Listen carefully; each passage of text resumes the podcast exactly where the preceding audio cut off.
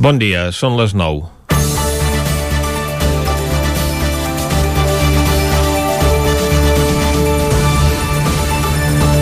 En la cimera dels líders a l'Aliança Atlàntica que va tenir lloc ahir a Brussel·les es va produir el primer contacte entre el president del govern espanyol, Pedro Sánchez, i el nou president dels Estats Units, Joe Biden. Des de la Moncloa havien fet córrer que tots els mandataris tenien molt interès en aprofitar l'ocasió per poder-se conèixer i saludar-se. I els equips dels dos governs es veu que ho tenien tot a punt perquè fos així. Des de la delegació espanyola ja havien advertit a les càmeres que estiguessin a la guai perquè recollissin el gran moment i el poguessin escampar als quatre vents. Doncs sí, quan ja tots els reporters prèviament advertits tenien l'ull a l'objectiu per recollir aquestes imatges històriques i havien pres fotos del posat a l'exterior de tots els participants de la trobada, es veu com Sánchez s'acosta a Biden i aquest amablement l'atén en compliment del que havia pactat el seu equip. Ara bé, de la suposada reunió del que havien de mantenir tots dos amb foto oficial inclosa, segons la delegació espanyola, res de res.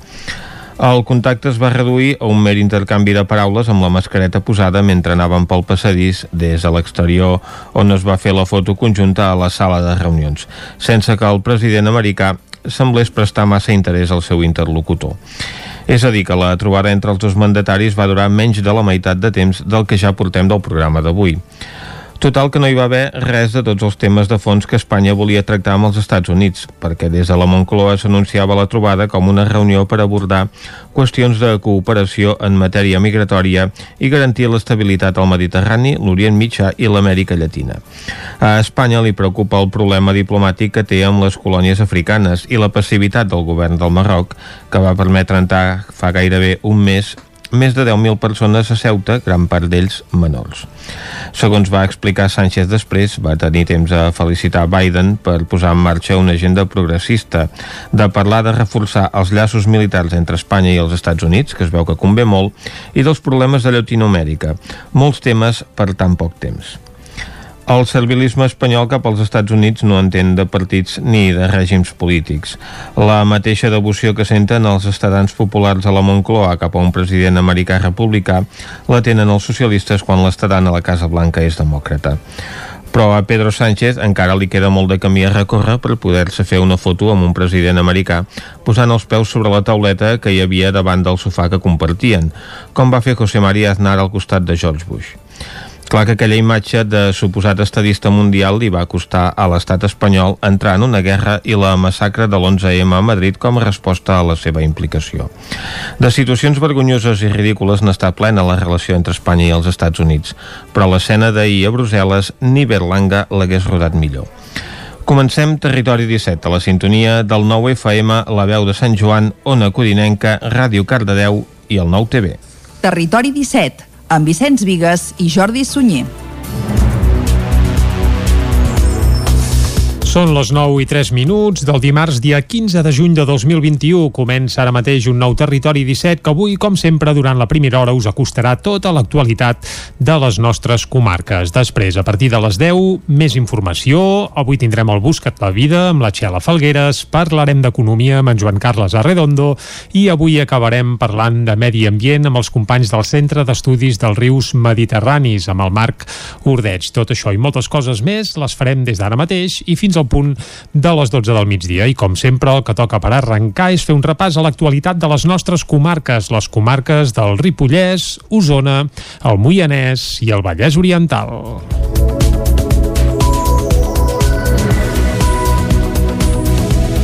L'avanç de la vacunació i la millora dels indicadors epidemiològics fan que des d'ahir dilluns el Consorci Hospitalari de Vic torni a permetre que els pacients puguin tornar a tenir acompanyants. En el cas d'urgències, per cada malalt hi pot haver un familiar amb una etiqueta que l'identifica com a tal.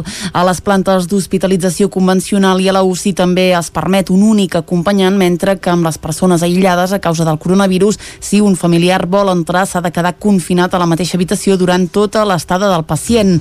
La resta de visites continuen restringides a situacions extraordinàries, tot i que consultes externes també es permet un acompanyant. L'enduriment dels protocols es va establir aviat farà un any amb la intenció d'evitar l'entrada de casos de Covid des de fora dels hospitals. La flexibilització d'aquestes mesures precisament es traduirà també en menys controls als centres del Consorci Hospitalari on només es mantindrà el de la porta d'accés a l'Hospital Universitari. Des d'ahir també s'ha desactivat el servei d'atenció a les famílies on podien trucar per conèixer l'estat de les persones ingressades. D'altra banda, els departaments de Salut i d'Interior han arribat a un principi d'acord per la reobertura del sector de l'oci nocturn. A l'espera del vistiplau del Procicat, les discoteques i els locals de nit podran obrir fins a dos quarts de quatre de la matinada a partir del 21 de juny, just abans de la rebella de Sant Joan, i amb la possibilitat de ballar a la pista sempre i quan es porti mascareta. Els aforaments en interior seran del 50% i a l'exterior del 100%. Gairebé el 60% dels habitants del Ripollès han passat la Covid-19 o han rebut la primera dosi de la vacuna. Isaac Muntades, des de la veu de Sant Joan. El procés de vacunació de la població del Ripollès avança a molt bon ritme i segons el portal del Departament de Salut de Dades Covid ja hi ha un 48,4% dels ripollesos a qui els han inoculat almenys una dosi del vaccí contra la Covid-19. En total són 12.239 persones dels 25.253 habitants que té la comarca. La dada que també va augmentant, encara que més lentament, és la dels ciutadans que ja tenen la pauta completa de la vacunació, que és de 7.727 persones, un 30,5% dels ripollesos. Des de l'inici de la pandèmia, al Ripollès s'han detectat un total de 2.649 casos de coronavirus. Per tant, ja hi hauria almenys un 58,8% dels habitants de la comarca que han passat la malaltia o que almenys ja tenen una dosi de la vacuna. Només com a exemple, l'àrea bàsica de salut de Ribes de Freser Can de Bànol ja hi ha el 94% dels professionals sanitaris, el 93% de persones de més de 80 anys i d'entre 70 i 79 anys, el 80% dels ciutadans que tenen entre 66 i 69 i 60 i 65 anys, el 71% de persones d'entre 50 i 59 anys i l'11% entre els ripolleros d'entre 45 i 59 anys que han rebut almenys una dosi de la vacuna. Un dels punts de vaccinació de Can de Bànol és el Centre Cívic La Confiança. Podem escoltar a Montserrat Revés, de 54 anys, acabada de vacunar, i a l'alcaldessa de Can de Bànol, de 56 anys, Dolors Costa, que va rebre la primera dosi fa uns 15 dies. Bueno, m'acaben de vacunar,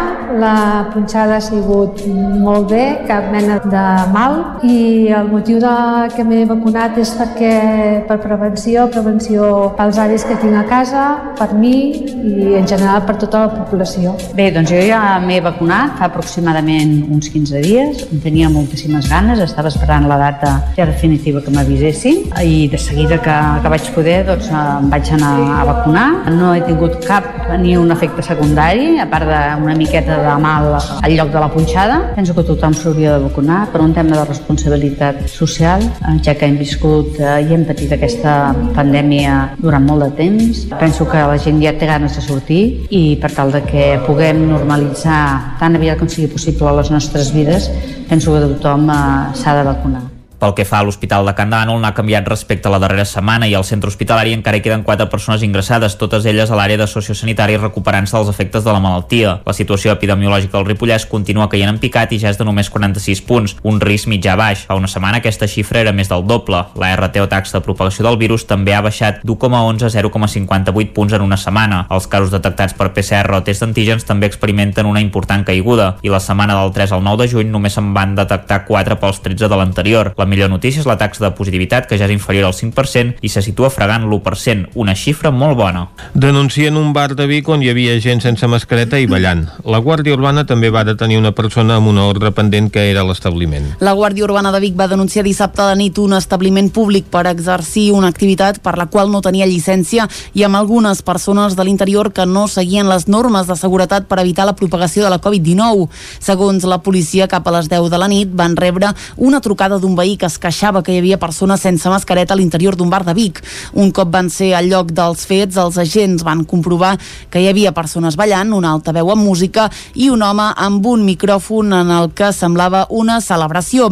Quan es va procedir a identificar totes les persones que hi havia a l'establiment, es va comprovar que una d'elles, de 42 anys i veïna de Vic, tenia pendent una ordre de detenció. Els agents, doncs, la van detenir i la van posar a disposició de l'autoritat judicial que el reclamava. La causa de l'accident mortal de la passada nit de dissabte a la C-59, el seu pas entre Mollà i Castellterçol, va ser el xoc amb un senglar. Jordi Givert, des d'Ona Codinenca. Després que els Mossos d'Esquadra investiguessin les causes de l'accident a la C-59 succeït la passada nit de dissabte, on va morir un motorista, la policia ha confirmat que la causa de l'accident fou el xoc amb un senglar que va fer rebotar el motorista cap al carril contrari, on va rebre un segon impacte amb una furgoneta. L'accident ha tingut lloc just en el moment en què la Generalitat està tramitant el projecte de millora de la carretera, que ha d'incloure reformes per evitar que la fauna travessi la via. El motorista que ha perdut la vida a l'accident es tracta d'un veí de Caldes de Montbui, de 56 anys. La passatgera de la furgoneta va resultar ferida menys greu i va ser traslladada al cap de Mollà. Arran de la incidència es van activar dues patrulles de Mossos d'Esquadra, dues dotacions de bombers de la Generalitat i dues unitats del sistema d'emergències mèdiques. Dissabte va morir a Cardedeu Miquel Comas i Closelles, historiador i meteoròleg que va seguir, com feia el seu pare, la tasca de guardar dades meteorològiques. Havia col·laborat amb el temps a TV3 i amb l'arxiu del Museu Tomàs Balvei. David Auladell, de Ràdio Televisió Cardedeu. Miquel Comas i Closelles va ser historiador, meteoròleg i primer president de Ràdio Televisió Televisió Cardedeu i va morir aquest dissabte a l'edat de 77 anys. Únic fill de Pere Comas i Duran, director de l'escola Ramon Massip entre el 1950 i el 1977, Miquel va heretar del seu pare tant la passió per la història com per la meteorologia. Com es va formar part de l'equip impulsor de la primera televisió local de l'estat espanyol l'any 80 i de la que en va ser ell el primer president. Vinculat al Museu de Cardedeu des de la seva creació, va ser Premi d'Honor Tomàs Balvei l'any 2017, reconegut per la seva tasca meteorològica com a continuador de la tasca que ja havia fet el seu pare i que ha permès que Cardedeu disposi d'una de les sèries històriques de dades climàtiques més extenses de Catalunya. També va ser especialista en enregistrar la història del municipi a través del desenvolupament dels diferents arbres genealògics d'algunes de les famílies històriques de Cardedeu. Miquel Comas va ser acomiadat aquest diumenge en una cerimònia a l'església de Santa Maria de Cardedeu. El 99.cat, el portal del grup El 99, ha guanyat el Premi de l'Associació Catalana de Premsa Comarcal com a millor digital de l'any 2020. Agustí Danés, director editorial del 99, va recollir el guardó de mans d'Oriol Duran, secretari de Comunicació del Govern, en la convenció anual de l'Associació Catalana de Premsa Comarcal feta dissabte a l'Hotel Contes de Barcelona. Durant l'acte, la revista manlleuenca Alter va rebre un reconeixement pel seu 25è aniversari aniversari. L'any passat, marcat per la pandèmia, el 99.cat va multiplicar l'audiència. Va tenir 2,1 milions d'usuaris, xifra que va representar un augment de més del 70% respecte al 2019. Els lectors en conjunt van arribar a visualitzar 14,8 milions de pàgines. Sentim per aquest ordre Agustí Danés, director editorial del 99, i a Francesc Fàbregas, president de l'Associació de Premsa Comarcal. Estem contents, agraïm molt aquest reconeixement que crec que és un, ens esperona diguem, a continuar millorant en els que venim, com és el cas del 9-9 de la tradició del paper, doncs anar fent aquesta transició digital, que l'estem fent, que no és fàcil, però nosaltres hem, hem incorporat en el, en el digital doncs, tot de vídeos, hem incorporat podcast, que la tecnologia ens ha de permetre diguem, acabar fent millor periodisme, enriquir les peces que, que ja fem i que no és una amenaça, sinó que la tecnologia és un aliat i estem en aquesta línia. Hem d'estar presents amb totes les noves tecnologies que hi hagin, perquè aquest és el camí, no n'hi ha d'altre però també hem de tindre en compte que el paper, tot i que hi ha molta gent que té ganes de que ja d'una vegada per tots s'enterri, el paper que queden molts i molts i molts anys de vida, com així ho demostren tots els últims estudis. Agustí Danés posava en valor després de l'acte un premi que sobretot reconeix les successives millores incorporades per al grup, el 9-9, al mitjà digital. El Cabró Rock, el primer festival multitudinari de Catalunya que s'ha celebrat aquest cap de setmana a Vic, ha tancat la seva primera edició amb un èxit de públic. Tant divendres com dissabte, prop de 3.000 persones van omplir la zona esportiva de Vic. Oques Grasses i Stay Homes van ser els caps de cartell. La pluja de divendres a primera hora de la tarda va complicar l'arrencada del Cabró Rock i va endarrerir el primer concert, de l'orquestra Diversiones. A les 6, prop de 3.000 persones van començar a omplir el recinte, un espai habilitat a la zona esportiva de Vic. A dos quarts de vuit i sota un inesperat sol de justícia, l'energia d'Albert Fort va obrir el meló de la nit. Era el retrobament de la banda de Calonja amb el públic, una imatge gairebé postpandèmica. Albert Fort és el cantant de l'orquestra Diversiones.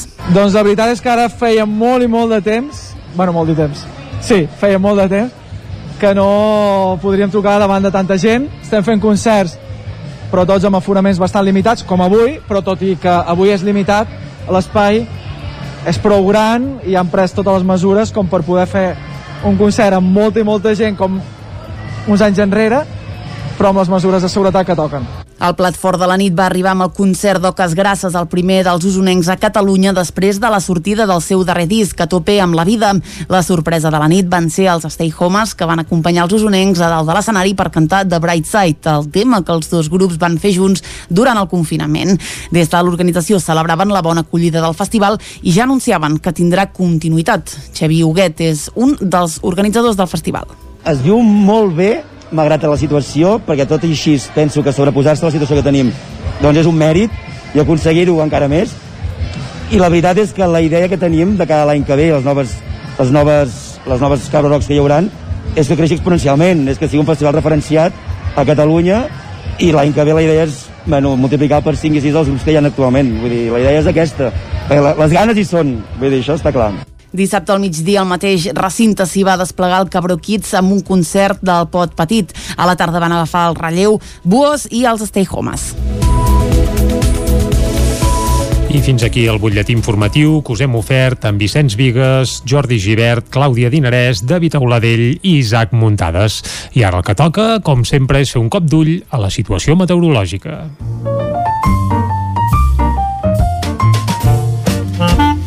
Casa Terradellos us ofereix el temps.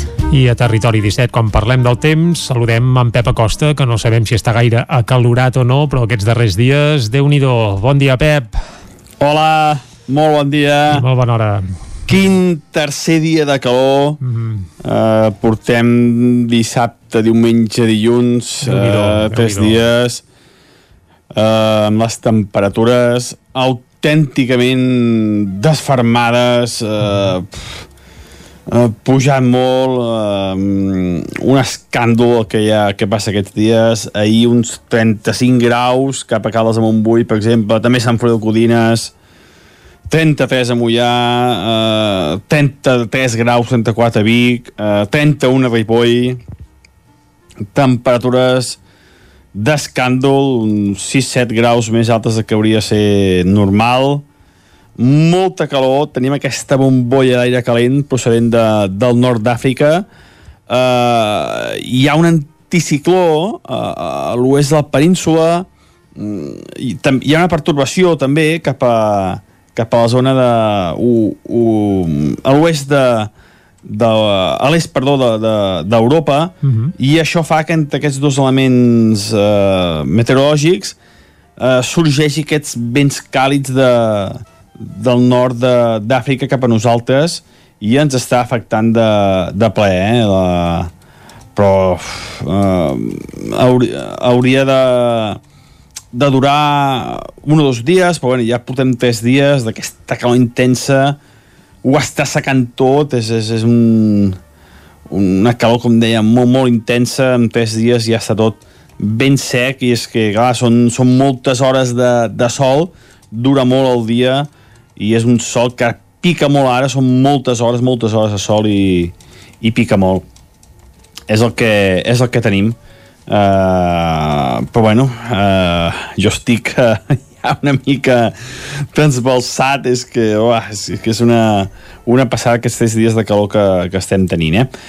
Uh, les temperatures mínimes també són altes, nits d'insomni, nits tropicals, per sobre els 20 graus, sobretot a la plana del Vallès, entre els 15 i el 20 a l'interior i només per sota els 15 graus a les zones més fredes de, del Pirineu. Nits d'insomni, sobretot, com deia, cap a la plana de, del Vallès. Uh -huh. I avui serà un dia molt, molt semblant al d'ahir. Molt semblant al d'ahir.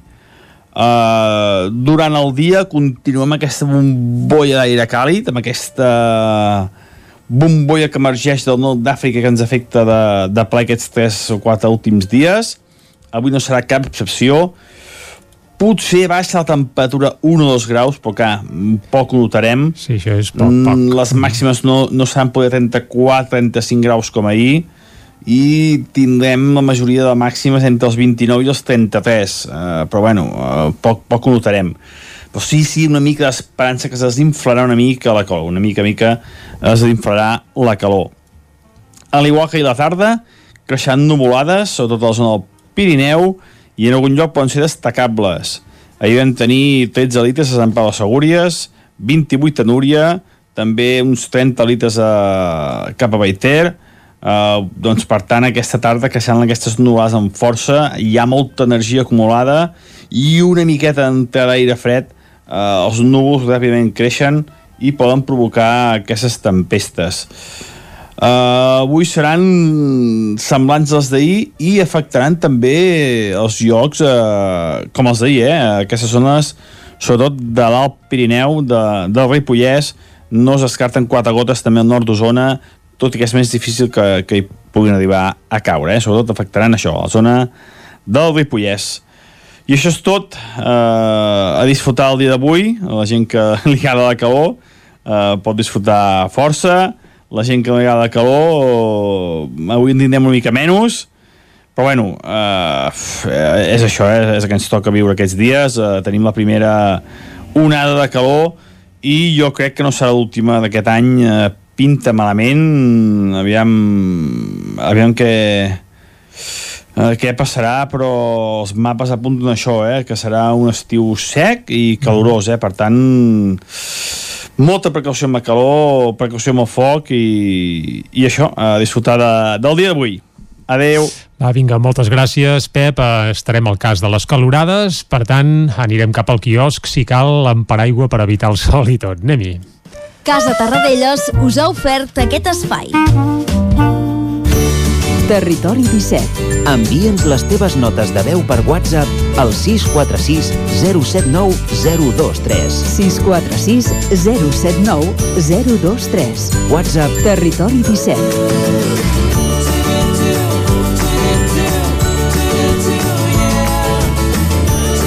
Territori 17.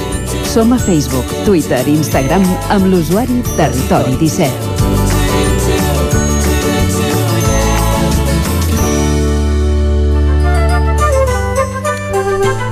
Com us dèiem, arriba l'hora de fer un recorregut per les portades dels diaris d'avui. Clàudia. Som-hi, comencem com sempre amb el punt avui que diu ara contra Buc. La Fiscalia demana 6 anys de presó i 27 d'inhabilitació per l'exconseller. També acusa un sergent dels Mossos d'Esquadra i demana per ell 4,6 anys de presó. A la imatge ampliació del Prat amb condicions. La Generalitat diu que no bloquejarà el projecte però reclama inversions. El tema que ocupa pràcticament totes les portades espanyoles d'avui, la reunió entre Biden i Sánchez dura mig minut i Sánchez nega cap crisi i diu que es vol debilitar Junts per Catalunya. Anem al diari ara que diu un de cada dos aspirants a mestre no té el nivell. Els responsables de les proves d'aptitud veuen alarmant la davallada del nombre d'aprovats. A la imatge, Biden i Sánchez, una reunió amb Biden de 30 segons. L'OTAN en guàrdia davant la Xina i de Rússia. Una notícia que ens deixa el dia d'ahir. Un home es llança al buit quan l'anaven a desnonar. Era veí de Sants, tenia 58 anys i es va suïcidar després d'obrir la porta a la comitiva judicial. Avui a l'ara també entrevisten a José Montilla, eh, expresident de la Generalitat, que diu l'indult no és la solució, però pot ajudar. Anem al periòdico que diu Biden concedeix a Espanya una cimera de l'OTAN. L'Aliança Atlàntica confirma a Brussel·les que la reunió de líders de l'any vinent se celebrarà a Espanya. A la imatge, menys d'un minut junts, la trobada dels dos presidents a Brussel·les es va quedar en un brevíssim passeig. I la Generalitat avala l'ampliació del Prat si inclou enllaços de l'AVE. Acabem les portades catalanes i ho fem amb l'avantguàrdia que diu l'OTAN alerta del desafiament sistèmic que planteja la Xina al món. A la imatge, la cita de Biden-Sánchez es queda en xerrada fugaz, Casado desautoritza Ayuso i desvincula el rei dels indults i el govern assumeix el compromís de facilitar l'ampliació del Prat. Anem a veure què treuen en portada els diaris editats a Madrid. Anem al país que diu els experts de treball demanen pujar el salari mínim fins al 10% per l'any 2023. A la imatge, la trobada Biden-Sánchez, una conversa de passadís. La OTAN qualifica a Xina com un desafiament per la seguretat i alerta el confinament eh, va fer miops a més nens. La falta de llum solar explica el fort repunt de l'enfermetat durant l'any 2020. El Mundo, Zarzuela recorda que el rei està al marge de la lluita política. El vaixell que va trobar a Olívia deixarà la búsqueda d'Anna, que és la germana, aquest mateix dijous. I a la imatge 30 segons per un passadís. Aquí veiem és a Pedro Sánchez amb Joe Biden. També els veiem a la Razón, que diu la cimera de Sánchez i Biden, 50 segons de passeig. En política, el PP invitarà a Aznar i a Rajoy a la seva convenció alerta com a públic i la variant Delta del coronavirus fa tema passos enrere. Acabem, com sempre, amb l'ABC, que el que fan és un recull d'aquests uh, segons en què Biden i Sánchez van estar uh, passejant. Diuen mig minut amb Biden.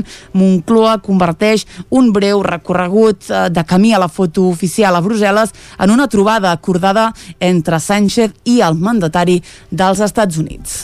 No s'acaben de posar d'acord els diaris d'avui amb la durada d'aquesta trobada entre el president espanyol i el president americà entre 30 i 50 segons segons un o altre diari. En tot cas, tots destaquen que aquesta suposada cimera va durar menys d'un minut. És la fotografia de portada de pràcticament tots els diaris editats avui aquesta fotografia del passeig que van mantenir el passadís eh, entre l'exterior on es va fer la foto de grup dels participants a la cimera i l'interior de la sala de reunions.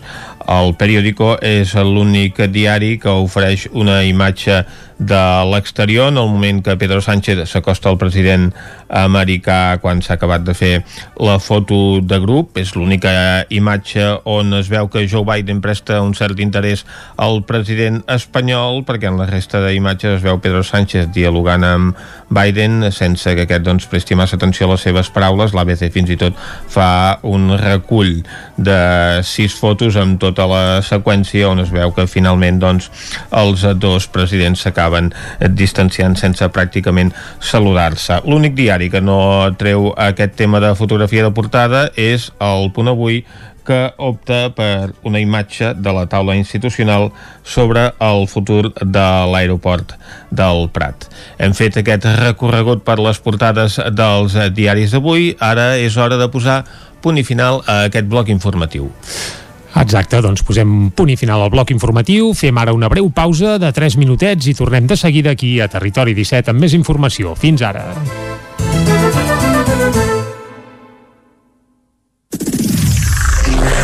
El nou FM. El nou FM. A la llibreria Mater hi trobaràs material escolar i d'escriptori, llibres, revistes i el millor regal. T'esperem amb una gran varietat de novel·les, llibres d'assaig, poesia, contes i moltes novetats editorials.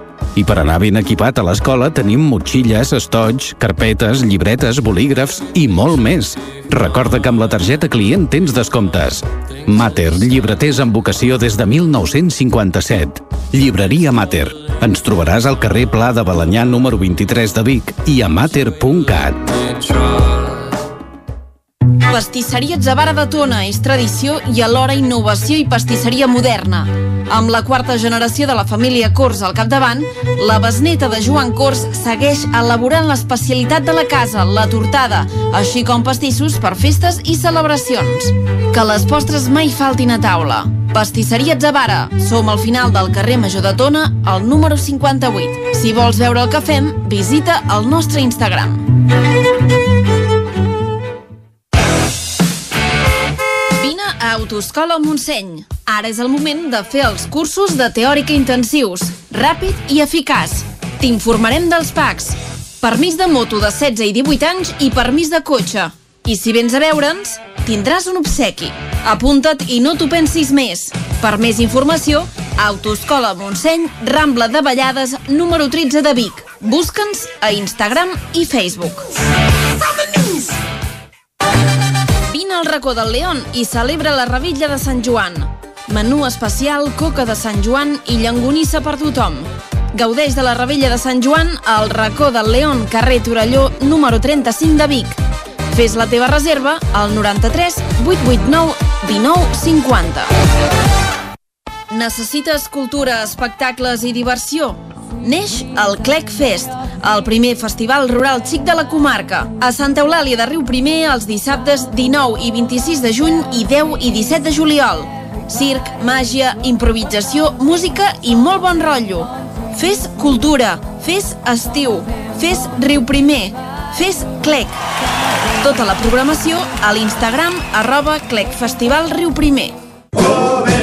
Primer. Radella de Sant Joan, al restaurant Casa Vostra. Sopar, música en directe amb Joan Aromí, fi de festa amb coca, llangonissa i cava.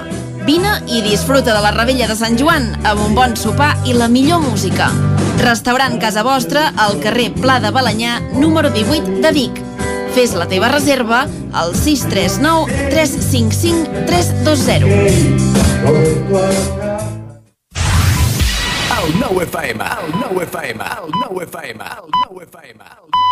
Territori 17, amb Vicenç Vigues i Jordi Sunyer. Dos quarts de deu en punt d'avui dimarts, dia 15 de juny de 2021. Seguim en directe aquí a Territori 17 i us farem companyia encara fins a les 12 del migdia. De seguida el que tocarà és acostar-vos de nou tota l'actualitat de casa nostra, però ja us avancem una mica el menú que tenim, això, fins al pic del migdia. A les 10 més informació, després entrevista, avui per conèixer les cerveses que fan des de Cardedeu, la gent de Sant Jordi. També parlarem avui d'economia amb en Joan Carles Arredondo, ens acompanyarà també també la Txela Falgueres amb el Buscat la Vida. Al Descobrint Catalunya anirem avui fins a Tabertet. A més a més, anirem també a la R3, com fem sempre, i avui acabarem el programa amb els companys del Centre d'Estudis dels Rius Mediterranis, concretament per parlar dels plàstics, que, eh, dels plàstics que hi ha no al mar, sinó als nostres rius. D'això en parlarem a la part final d'un programa que ara segueix acostant-vos de nou l'actualitat de casa nostra, l'actualitat de les comarques del Ripollès, Osona, el Moianès i el Vallès Oriental. L'avanç de la vacunació i la millora dels indicadors epidemiològics fan que des d'ahir dilluns el Consorci Hospitalari de Vic torni a permetre que els pacients puguin tornar a tenir acompanyants. En el cas d'urgències, per cada malalt hi pot haver un familiar amb una etiqueta que l'identifica com a tal. A les plantes d'hospitalització convencional i a la UCI també es permet un únic acompanyant, mentre que amb les persones aïllades a causa del coronavirus, si un familiar vol entrar, s'ha de quedar confinat a la mateixa habitació durant tota l'estada del pacient. La resta de visites continuen restringides a situacions extraordinàries, tot i que consultes externes també es permet un acompanyant. L'enduriment dels protocols es va establir aviat farà un any amb la intenció d'evitar l'entrada de casos de Covid des de fora dels hospitals. La flexibilització d'aquestes mesures precisament es traduirà també en menys controls als centres del Consorci Hospitalari on només es mantindrà el de la porta d'accés a l'Hospital Universitari. Des d'ahir també s'ha desactivat el servei d'atenció a les famílies on podien trucar per conèixer l'estat de les persones ingressades. D'altra banda, els departaments de Salut i d'Interior han arribat a un principi d'acord per la reobertura del sector de l'oci nocturn. A l'espera del vistiplau del Procicat, les discoteques i els locals de nit podran obrir fins a dos quarts de quatre de la matinada a partir del 21 de juny, just abans de la rebella de Sant Joan, i amb la possibilitat de ballar a la pista sempre i quan es porti mascareta. Els aforaments en interior seran del 50% i a l'exterior del 100%. Gairebé el 60% dels habitants del Ripollès han passat la Covid-19 o han rebut la primera dosi de la vacuna. Isaac Muntades, des de la veu de Sant Joan. El procés de vacunació de la població del Ripollès avança a molt bon ritme i segons el portal del Departament de Salut de Dades Covid ja hi ha un 48,4% dels ripollesos a qui els han inoculat almenys una dosi del vaccí contra la Covid-19. En total són 12.239 persones dels 25.253 habitants que té la comarca. La dada que també va augmentant, encara que més lentament, és la dels ciutadans que ja tenen la pauta completa de la vacunació, que és de 7.727 persones, un 30,5% dels ripollesos. Des de l'inici de la pandèmia, al Ripollès s'han detectat un total de 2.649 casos de coronavirus. Per tant, ja hi hauria almenys un 58,8% dels habitants de la comarca que han passat la malaltia o que almenys ja tenen una dosi de la vacuna. Només com a exemple, l'àrea bàsica de salut de Ribes de Freser Can de Bànol ja hi ha el 94% dels professionals sanitaris, el 93% de persones de més de 80 anys i d'entre 70 i 79 anys, el 80% dels ciutadans que tenen entre 66 i 69 i 60 i 65 anys, el 71% de persones d'entre 50 i 59 anys i l'11% entre els ripolleros d'entre 45 i 59 anys que han rebut almenys una dosi de la vacuna. Un dels punts de vaccinació de Can Davànol és el Centre Cívic La Confiança. Podem escoltar a Montserrat Revés, de 54 anys, acabada de vacunar, i a l'alcaldessa de Can Davànol, de 56 anys, Dolors Costa, que va rebre la primera dosi fa uns 15 dies. Bueno, m'acaben de vacunar, la punxada ha sigut molt bé, cap mena de mal, i el motiu de que m'he vacunat és perquè per prevenció, prevenció pels avis que tinc a casa, per mi i en general per tota la població. Bé, doncs jo ja m'he vacunat fa aproximadament uns 15 dies, en tenia moltíssimes ganes, estava esperant la data ja definitiva que m'avisessin i de seguida que, que vaig poder doncs em vaig anar a vacunar. No he tingut cap ni un efecte secundari, a part d'una miqueta de mal al lloc de la punxada. Penso que tothom s'hauria de vacunar per un tema de responsabilitat social, ja que hem viscut eh, i hem patit aquesta pandèmia durant molt de temps. Penso que la gent ja té ganes de sortir i per tal de que puguem normalitzar tan aviat com sigui possible les nostres vides, penso que tothom eh, s'ha de vacunar. Pel que fa a l'Hospital de Can Dànol, n'ha canviat respecte a la darrera setmana i al centre hospitalari encara hi queden quatre persones ingressades, totes elles a l'àrea de sociosanitari recuperant-se dels efectes de la malaltia. La situació epidemiològica al Ripollès continua caient en picat i ja és de només 46 punts, un risc mitjà baix. Fa una setmana aquesta xifra era més del doble. La RT o taxa de propagació del virus també ha baixat d'1,11 a 0,58 punts en una setmana. Els casos detectats per PCR o test d'antígens també experimenten una important caiguda i la setmana del 3 al 9 de juny només se'n van detectar 4 pels 13 de l'anterior. La millor notícia és la taxa de positivitat, que ja és inferior al 5% i se situa fregant l'1%, una xifra molt bona. Denuncien un bar de Vic on hi havia gent sense mascareta i ballant. La Guàrdia Urbana també va detenir una persona amb una ordre pendent que era l'establiment. La Guàrdia Urbana de Vic va denunciar dissabte de nit un establiment públic per exercir una activitat per la qual no tenia llicència i amb algunes persones de l'interior que no seguien les normes de seguretat per evitar la propagació de la Covid-19. Segons la policia, cap a les 10 de la nit van rebre una trucada d'un veí que es queixava que hi havia persones sense mascareta a l'interior d'un bar de Vic. Un cop van ser al lloc dels fets, els agents van comprovar que hi havia persones ballant, un altaveu amb música i un home amb un micròfon en el que semblava una celebració. Quan es va procedir a identificar totes les persones que hi havia a l'establiment, es va comprovar que una d'elles, de 42 anys i veïna de Vic, tenia pendent una ordre de detenció. Els agents, doncs, la van detenir i la van posar a disposició de l'autoritat judicial que el reclamava. La causa de l'accident mortal de la passada nit de dissabte a la C-59, al seu pas entre Mollà i Castellterçol, va ser el xoc amb un senglar. Jordi Givert, des d'Ona Codinenca. Després que els Mossos d'Esquadra investiguessin les causes de l'accident a la C-59 succeït la passada nit de dissabte, on va morir un motorista, la policia ha confirmat que la causa de l'accident fou el xoc amb un senglar que va fer rebotar el motorista cap al carril contrari, on va rebre un segon impacte amb una furgoneta. L'accident ha tingut lloc just en el moment en què la Generalitat està tramitant el projecte de millora de la carretera, que ha d'incloure reformes per evitar que la fauna travessi la via. El motorista que ha perdut la vida a l'accident es tracta d'un veí de Caldes de Montbui, de 56 anys.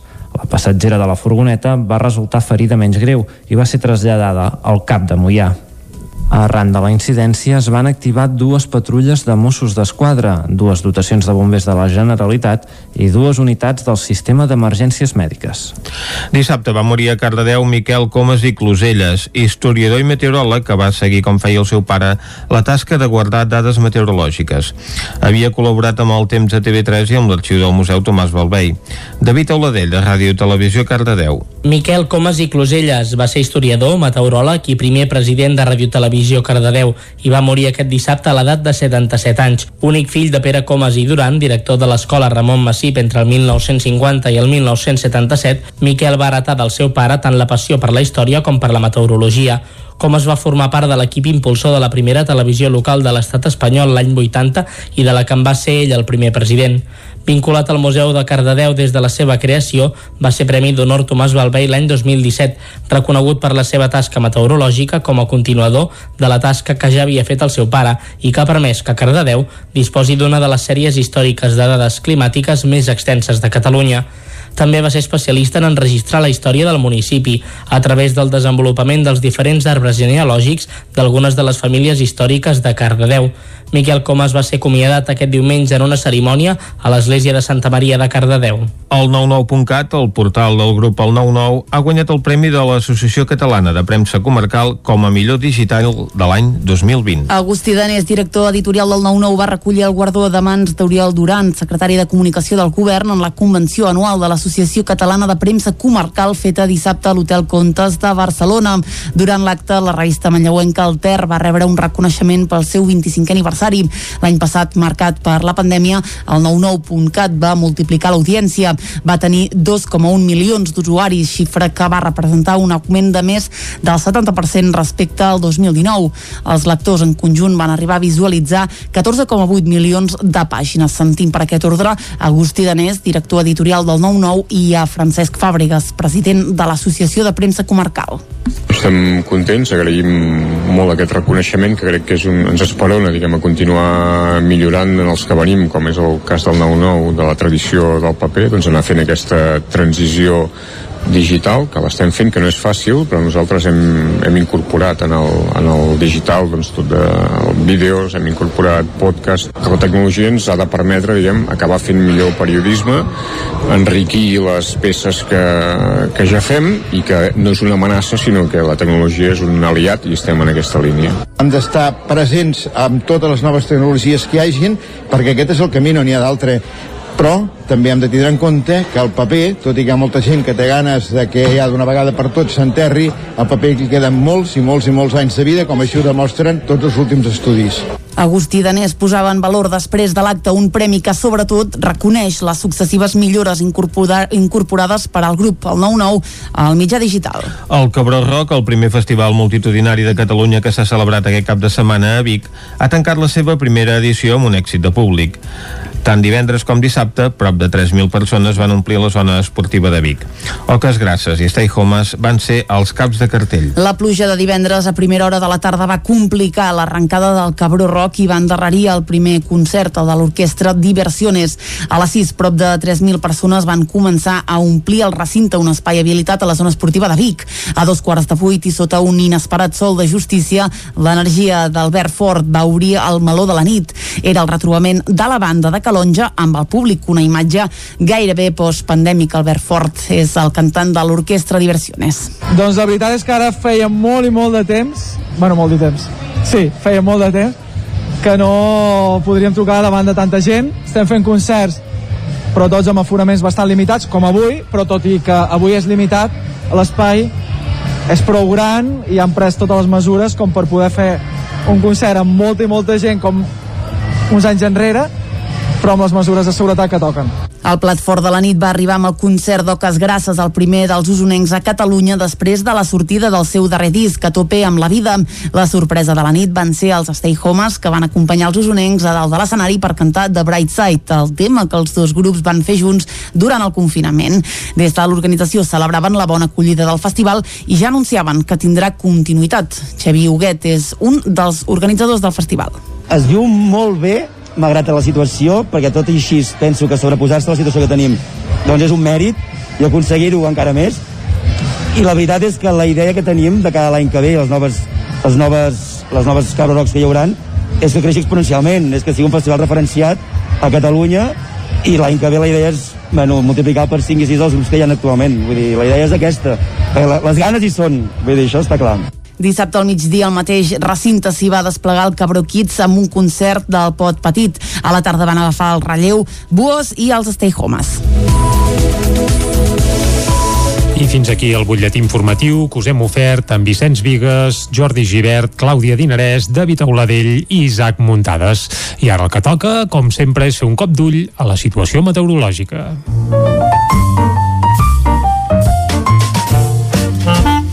Casa Terradellos us ofereix el temps. I a Territori 17, quan parlem del temps, saludem en Pep Acosta, que no sabem si està gaire acalorat o no, però aquests darrers dies, déu nhi Bon dia, Pep.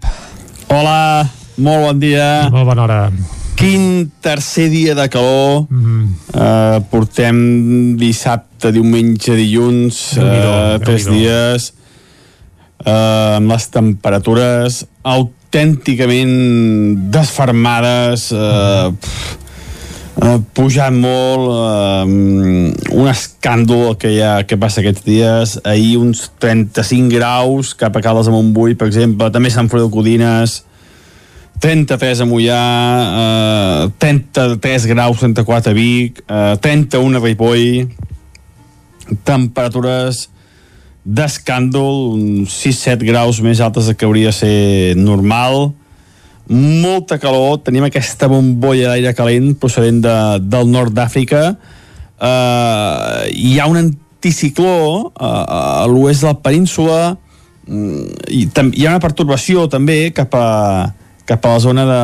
U, u, a l'oest de, de, a l'est, perdó, d'Europa, de, de, uh -huh. i això fa que entre aquests dos elements eh, meteorològics eh, sorgeixi aquests vents càlids de, del nord d'Àfrica cap a nosaltres i ens està afectant de, de ple, eh? La, però eh, hauria, hauria de de durar un o dos dies, però bueno, ja portem tres dies d'aquesta calor intensa ho està secant tot, és, és, és un, una calor, com deia, molt, molt intensa, en tres dies ja està tot ben sec, i és que, clar, són, són moltes hores de, de sol, dura molt el dia, i és un sol que pica molt ara, són moltes hores, moltes hores de sol i, i pica molt. És el que, és el que tenim. Uh, però bueno, uh, jo estic uh, una mica transbalsat, és que, oh, és, que és una, una passada aquests dies de calor que, que estem tenint. Eh? Uh, les temperatures mínimes també són altes, nits d'insomni, nits tropicals, per sobre els 20 graus, sobretot a la plana del Vallès, entre els 15 i el 20 a l'interior, i només per sobre els 15 graus a les zones més fredes de, del Pirineu. Nits d'insomni, sobretot, com deia, cap a la plana de, del Vallès. Uh -huh. I avui serà un dia molt, molt semblant al d'ahir. Molt semblant al d'ahir. Uh, durant el dia continuem amb aquesta bombolla d'aire càlid, amb aquesta bombolla que emergeix del nord d'Àfrica que ens afecta de, de ple aquests 3 o 4 últims dies. Avui no serà cap excepció potser baixa la temperatura 1 o 2 graus, però que poc ho notarem. Sí, això és poc, poc. Mm, les màximes no, no seran poder 34-35 graus com ahir, i tindrem la majoria de màximes entre els 29 i els 33, uh, però bueno, uh, poc, poc ho notarem. Però sí, sí, una mica d'esperança que es desinflarà una mica la calor, una mica, mica es desinflarà la calor. A l'igual que ahir la tarda, creixant nuvolades, sobretot a la zona del Pirineu, i en algun lloc poden ser destacables. Ahir vam tenir 13 litres a Sant Pau de Segúries, 28 a Núria, també uns 30 litres a, cap a Baiter, Uh, doncs per tant aquesta tarda que seran aquestes nuvolades amb força hi ha molta energia acumulada i una miqueta d'entrada d'aire fred uh, els núvols ràpidament creixen i poden provocar aquestes tempestes Uh, avui seran semblants als d'ahir i afectaran també els llocs uh, com els d'ahir, eh? aquestes zones sobretot de l'Alt Pirineu de, del Ripollès no es descarten quatre gotes també al nord d'Osona tot i que és més difícil que, que hi puguin arribar a caure, eh? sobretot afectaran això, la zona del Ripollès i això és tot uh, a disfrutar el dia d'avui la gent que li agrada la calor uh, pot disfrutar força la gent que no li agrada calor avui en tindrem una mica menys però bueno uh, és això, eh? és el que ens toca viure aquests dies uh, tenim la primera onada de calor i jo crec que no serà l'última d'aquest any uh, pinta malament aviam aviam que uh, què passarà però els mapes apunten això eh? que serà un estiu sec i calorós eh? per tant molta precaució amb el calor, precaució amb el foc i, i això, a disfrutar de, del dia d'avui. Adeu.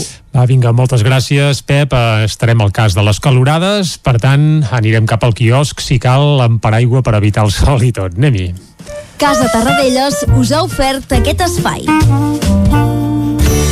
Territori 17. Envia'ns les teves notes de veu per WhatsApp al 646 079 023. 646 079 023. WhatsApp Territori 17.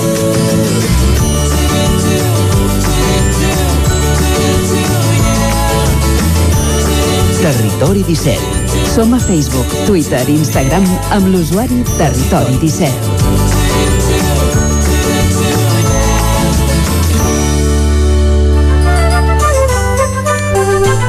Com us dèiem, arriba l'hora de fer un recorregut per les portades dels diaris d'avui. Clàudia. Som-hi, comencem com sempre amb el punt avui que diu ara contra Buc. La Fiscalia demana 6 anys de presó i 27 d'inhabilitació per l'exconseller. També acusa un sergent dels Mossos d'Esquadra i demana per ell 4,6 anys de presó. A la imatge ampliació del Prat amb condicions. La Generalitat diu que no bloquejarà el projecte però reclama inversions. El tema que ocupa pràcticament totes les portades espanyoles d'avui, la reunió entre Biden i Sánchez dura mig minut i Sánchez nega cap crisi i diu que es vol debilitar Junts per Catalunya. Anem al diari ara que diu un de cada dos aspirants a mestre no té el nivell. Els responsables de les proves d'aptitud veuen alarmant la davallada del nombre d'aprovats. A la imatge, Biden i Sánchez, una reunió amb Biden de 30 segons. L'OTAN en guàrdia davant la Xina i de Rússia. Una notícia que ens deixa el dia d'ahir, un home es llança al buit quan l'anaven a desnonar. Era veí de Sants, tenia 58 anys i es va suïcidar després d'obrir la porta a la comitiva judicial. Avui a l'ara també entrevisten a José Montilla, eh, expresident de la Generalitat, que diu l'indult no és la solució, però pot ajudar. Anem al periòdico que diu Biden concedeix a Espanya una cimera de l'OTAN. L'Aliança Atlàntica confirma a Brussel·les que la reunió de líders de l'any vinent se celebrarà a Espanya. A la imatge, menys d'un minut junts, la trobada dels dos presidents a Brussel·les es va quedar en un brevíssim passeig. I la Generalitat avala l'ampliació del Prat si inclou enllaços de l'AVE. Acabem les portades catalanes i ho fem amb l'avantguàrdia que diu l'OTAN alerta del desafiament sistèmic que planteja la Xina al món. A la imatge, la cita de Biden-Sánchez es queda en xerrada fugaz, Casado desautoritza Ayuso i desvincula el rei dels indults i el govern assumeix el compromís de facilitar l'ampliació del Prat. Anem a veure què treuen en portada els diaris editats a Madrid. Anem al país que diu els experts de treball demanen pujar el salari mínim fins al 10% per l'any 2023. A la imatge, la trobada Biden-Sánchez, una conversa de passadís. La OTAN qualifica a Xina com un desafiament per la seguretat i alerta el confinament eh, va fer miops a més nens. La falta de llum solar explica el fort repunt de l'enfermetat durant l'any 2020.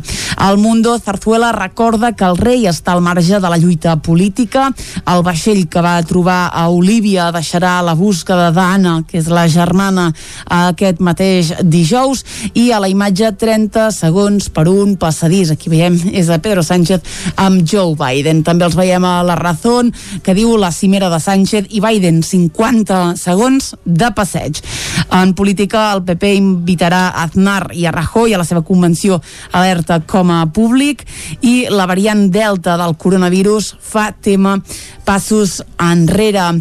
Acabem, com sempre, amb l'ABC, que el que fan és un recull d'aquests eh, segons en què Biden i Sánchez van estar eh, passejant. Diuen mig minut amb Biden.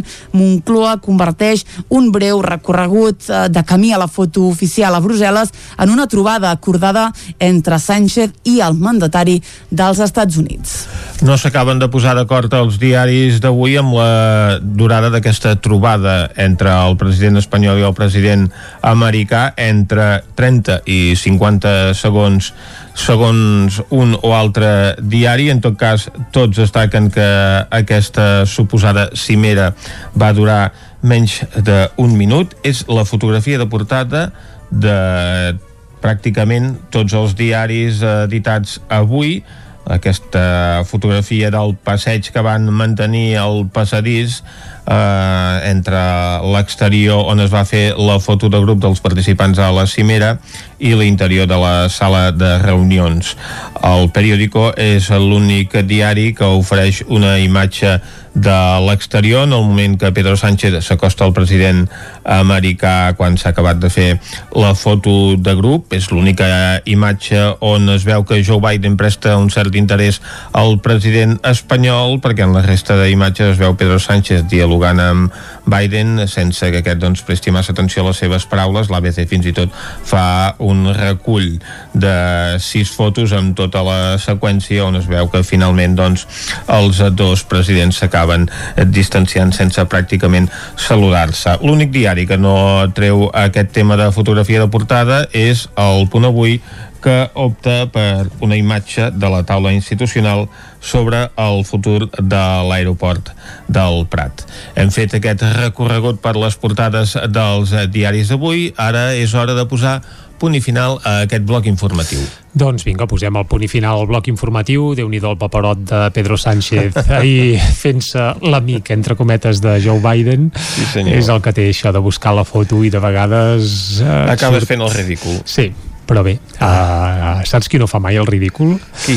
Els bons músics que tenim ara mateix a l'escena catalana. Sí, senyor. Ahir recordàvem que feia 30 anys d'aquell mític concert al Palau Sant Jordi, que una mica va servir perquè, segons qui descobrís el fenomen aquest del rock en català, i tu, Vicenç, em vas proposar un repte. Va, uh, que no és fàcil. quins no és quatre fàcil, grups posaries ara al Palau Sant Jordi per fer una espècie de, de nou concert eh, com el que fa tres dècades, doncs això, eh, va immortalitzar aquest fenomen musical al país. Doncs bé, és evident que l'escena ha canviat molt, I tant. hi ha molts més grups ara que no pas aleshores, sobretot qualitativament parlant. I més estils. Més estils, més varietat, eh, més varietat lingüística també, perquè hi ha molts grups que dius, va, el rock en català, però és que tenim molts grups que mesclen idiomes a part de gèneres, és a dir, que és complicat, eh? I m'ho poses molt, molt difícil, però ho intentaré fer i no sobre, segons els meus gustos, sinó si jo fos un programador i ho hagués de rebentar, doncs, per tant, eh, quins serien els grups més punters. Eh, en triarem quatre. Avui el primer. Eh, com que el xarango els donem ja per enterrats, entre cometes, Sí? eh, sí. Han tret un disc. Bé, sí, sí, han tret un disc que és un revival per acabar de... Bé, mm, eh, faran un bolo de comiat, esperem, segurament l'any vinent, faran un festival al Clown i a Sant Joan de les Abadesses, però després ple, plegaran veles. Doncs com que entenem que el xarango no compten, eh, hi posarem els que jo crec que ara mateix són els seus hereus en l'àmbit de, diguem-ne, el mestissatge festiu català, que serien Oques Grasses. Ahà. A més, han vingut eh, amb un recent discàs que acaba de sortir del forn, que és tota una bomba, el disc es diu A tope amb la vida i s'enceta amb una cançó que és Elefants i que és les que escoltarem ara mateix i jo crec que si hi hagués un altre Sant Jordi aquesta no hi faltaria demà descobrirem el segon grup que posaríem en, en aquest uh, vaja, en aquesta tetra bé, tetra bandes, és a dir, quatre bandes complirien el Palau Sant Jordi i el rebentarien un, i jo gairebé el posaria davant de tot, uh, serien Oques Grasses sense cap mena de dubte Doncs ens agrada que en aquesta tria també hi hagi un grup usonenc com va passar en aquell moment. Potser n'hi posarem més d'un ah, si més no, jo, almenys A amb veure, algun veure. músic però vaja, és que clar, és que em venen al cap des dels Doctor Prats, Pegatina xarangos que ja els hem citat els catarres que ara estan enterrats però Mm. ressuscitaran d'aquí poc crec uh, clar, és que n'hi ha tants de grups uh, fins i tot en podríem rescatar algun del segle passat eh? Mm-hmm. Pet Sopa estan vius i actius fins i tot el Sau 30, Miqui Núñez Lil Dami de les noves escenes urbanes és que és... ara hi ha molts grups eh, que podien entrar aquí, però procurarem triar-ne quatre, avui el primer. Quatre Oques Grasses, grups. quatre grups, sí, sí. Quatre grups. Vinga, Oques Va. fins a arribar al punt de les 10 Elefants, salut, fins ara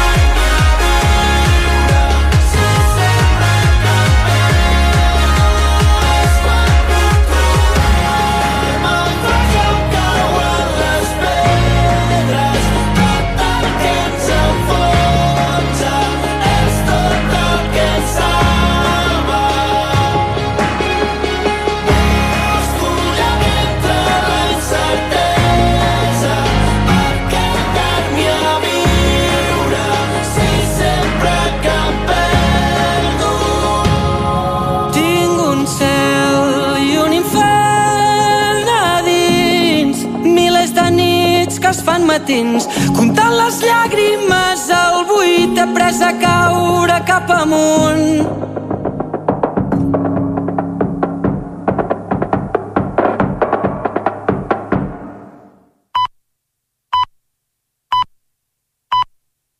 La informació de les nostres comarques, les comarques del Ripollès, Osona, el Moianès i el Vallès Oriental.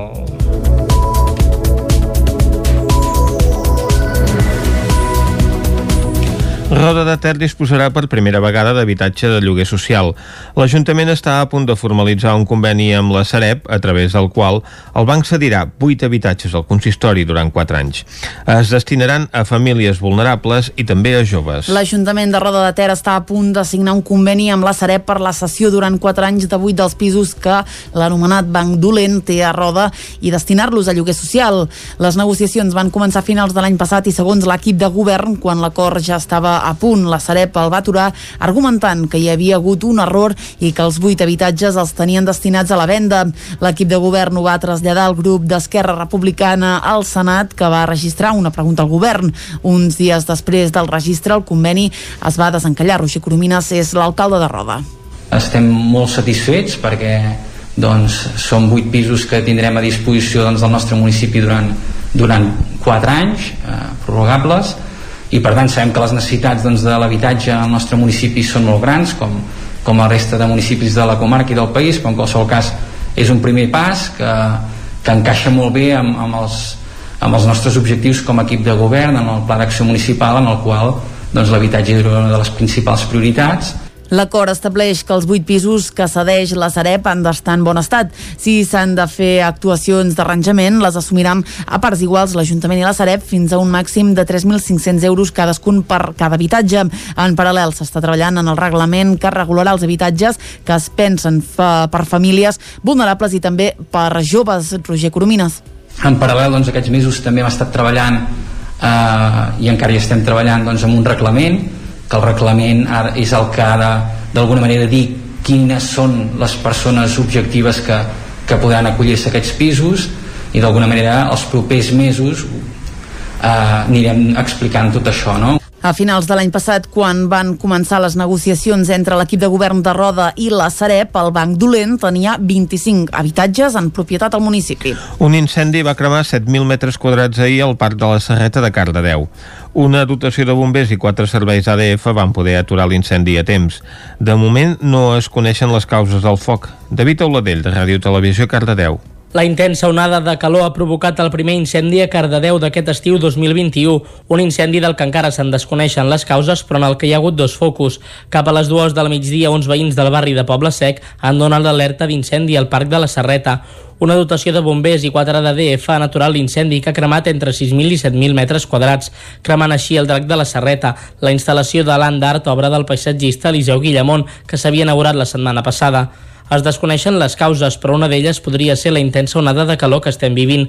Des del grup de voluntaris de protecció civil de Cardedeu ens expliquen com hem d'actuar davant d'un incendi. Didac Soto. Principal i més en aquesta època que estem de calors fortes i onades de calor, a la mínima que detectem una columna de fum, molt important, trucar o al 112 o a la policia local de Cardedeu, Uh, sobretot, sobretot, no adreçar-se al lloc, uh, no és un espectacle, uh, hi ha un, realment un, un cas d'emergència, intentar eh, donar la màxima informació sobretot de la localització possible perquè els vehicles d'emergència arribin el més aviat possible i insistir en que la gent sigui curosa, eh, res de barbacoes, no jugar amb petards, ens estem jugant molta, moltes possibles focs i més amb aquesta temperatura i una humitat relativa que tenim actualment molt baixa amb poc, amb poc tenim un, un foc declarat. L'any passat acabava la campanya forestal 2020 a Catalunya amb 149 incendis forestals, les millors dades de l'última dècada. Més incendis. Ahir a la tarda va cremar a prop de dues hectàrees a Sant Feliu de Codines en un foc que va ser provocat. Gemma Permanyer, des d'Ona Codinenca. Voluntaris forestals de Sant Feliu de Codines i agents rurals fan una crida a la prudència a l'hora de llançar petards després d'un foc que ha cremat dues hectàrees de matolls al nucli urbà de Sant Feliu la tarda d'aquest dilluns. El foc s'ha produït a quarts de set com a conseqüència d'un petard que un grup de menors ha llançat al voral del camí de l'Era Nova. Escoltem el president del grup de voluntaris forestals, Jordi Joan. Eh, hem tingut aquest primer ensurt, per sort l'hem pogut agafar a temps, però si no l'agafes a temps doncs això pot esdevenir un gran foc i el risc de foc aquests dies serà elevadíssim. Penseu que portem dos dies de calor forta només i ja tenim aquest foc i ara ens esperen encara dos o tres dies més de calor, però si no plou eh, aquest any podem tenir algun ensurt molt gran. Així que sí que agrairia doncs, a tothom que no tiri petards i sobretot que la nit de Sant Joan no es tirin coets, que és un perill molt gran. El foc s'ha pogut extingir en una hora i mitja per la ràpida reacció dels cossos d'emergències. A l'extinció de l'incendi han participat una dotació dels bombers de Caldes, tres de les ADF de la zona i els voluntaris forestals. La superfície cremada són matolls i arbres fruiters com oliveres i ametllers. Sobi, una empresa de maquinària agrícola de Vic, idea una màquina que tria i treu sola les males herbes dels camps.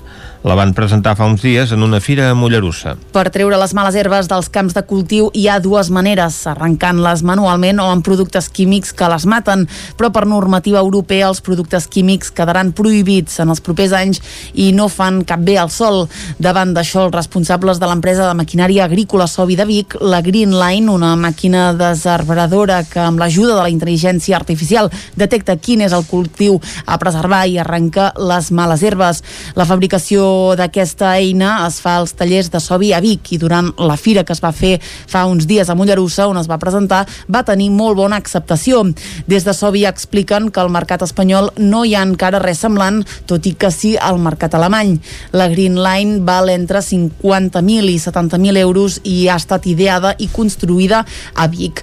L'empresa Sobi va néixer l'any 2010 de la mà de Jordi Vilella, enginyer qui s'encarrega de la part comercial, i Pau Soler, responsable de manteniment. Des de fa 3 anys volten l'1,5 milions d'euros de facturació i el darrer any, tot i la Covid, han ampliat la plantilla i han passat de 7 a 9 treballadors. L'enginyeria conovesa de Vic obre una delegació al País Basc. L'empresa bigatana va néixer fa 13 anys i té una cinquantena de treballadors. La consultora i enginyera Conovesa Grup de Vic ha obert una delegació a Bilbao, al País Basc, per donar cobertura als clients de la zona nord i centre de l'estat espanyol. És la primera delegació que obre aquesta empresa, que va néixer fa 13 anys, a l'inici de la crisi financera de la mà de Josep Novelles i Emma Conill. Conovesa, amb una cinquantena de treballadors, s'ha especialitzat en el sector agroalimentari amb una divisió d'assessorament a la gestió alimentària amb el nom de Food Control, per, però també compta, perdoneu, amb especialistes a les àrees de l'enginyeria agronòmica, industrial, civil, ambiental i en les d'arquitectura i enologia. En funció de la demanda dels clients, ofereix uns serveis o altres i alguns d'aquests ja són clau en mà que permet contractar un servei integral assumint la responsabilitat de qualsevol obra industrial. Això inclou la relació amb les administracions públiques tant per permisos com per ajuts als projectes. Per als seus projectes, alguns països africans utilitza l'entorn BIM, una metodologia de treball que permet crear models virtuals i aplicar la tecnologia de la indústria 4.0 per millorar la planificació de la producció i disminuir el nombre de possibles imprevistos. El disc El Gran Ball de Charango ja està disponible a totes les plataformes digitals. Isaac Muntades, des de la veu de Sant Joan. Aquest diumenge, el grup de música ripollès i usonenc Charango va compartir el seu últim disc, El Gran Ball, en format digital a totes les plataformes com Spotify o YouTube. Es tracta d'un disc doble amb 27 cançons que formen part d'una edició física limitada, de la qual se'n van vendre les 23.500 còpies que hi havia disponibles. Charango va gravar El Gran Ball per compensar a totes aquelles persones que havien comprat entrades per la gira de comiat al Gran Cir del 2020 i que la pandèmia va obligar primer a ajornar-la i després a suspendre-la definitivament. S'havien venut un total de 100.000 entrades entre tots els concerts i es va proposar als fans que les havien comprat que les bescanviessin per un exemplar d'aquest disc. Alhora es va posar a la venda a la seva pàgina web durant un temps limitat. Aquest disc recupera les cançons més emblemàtiques de Charango i compta amb col·laboracions d'un total de 51 artistes, entre els quals hi ha Gerard Quintana, Lluís Gavaldà, Joan Garriga, Doctor Prat, Judit Nederman, Miqui Núñez, Ramon Miravet, Stay Homes, Andrea Motis, Alba Retxe, Jarabe de Palo, Lluís Llach i Joan Dausà, entre molts altres. Podem escoltar Compte amb mi amb Judit Nederman, Quan tots s'enlaire amb Andrea Motis i a la deriva amb artistes com Doctor Prats, Pupiles o Germà Negre. I tu i jo. En una ciutat gelada desfent la neu a dins dels teus llençols. I tu i jo. Fins que se't curin les ales jo seré aquí espantant els teus malsons. Compta amb mi els dies de lluita. Però jo mai, mai, mai, mai Quan tot s'enlaire, toco els somnis de puntetes, junts podem arribar més lluny, més lluny. Un llarg viatge, il·lusions dins les maletes,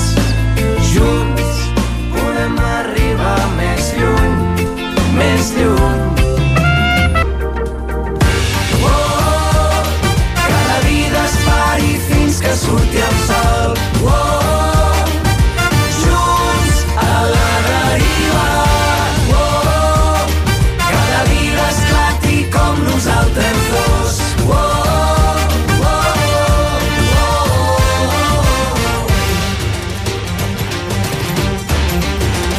També cal destacar que Charango ha rebut dos discs d'or per les més de 20.000 unitats venudes del seu darrer disc d'estudi de Beniales, que es va editar durant el mes de juny de l'any passat, i per al Gran Ball.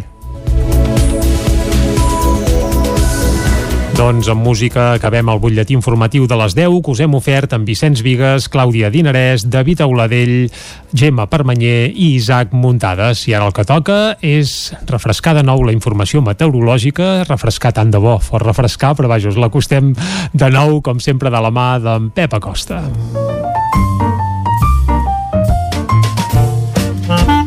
Casa Terradellos us ofereix el temps. Un Pep Acosta, qui ja saludem de nou. Bon dia, Pep. Hola, molt bon dia. I molt bona hora. Quin tercer dia de calor.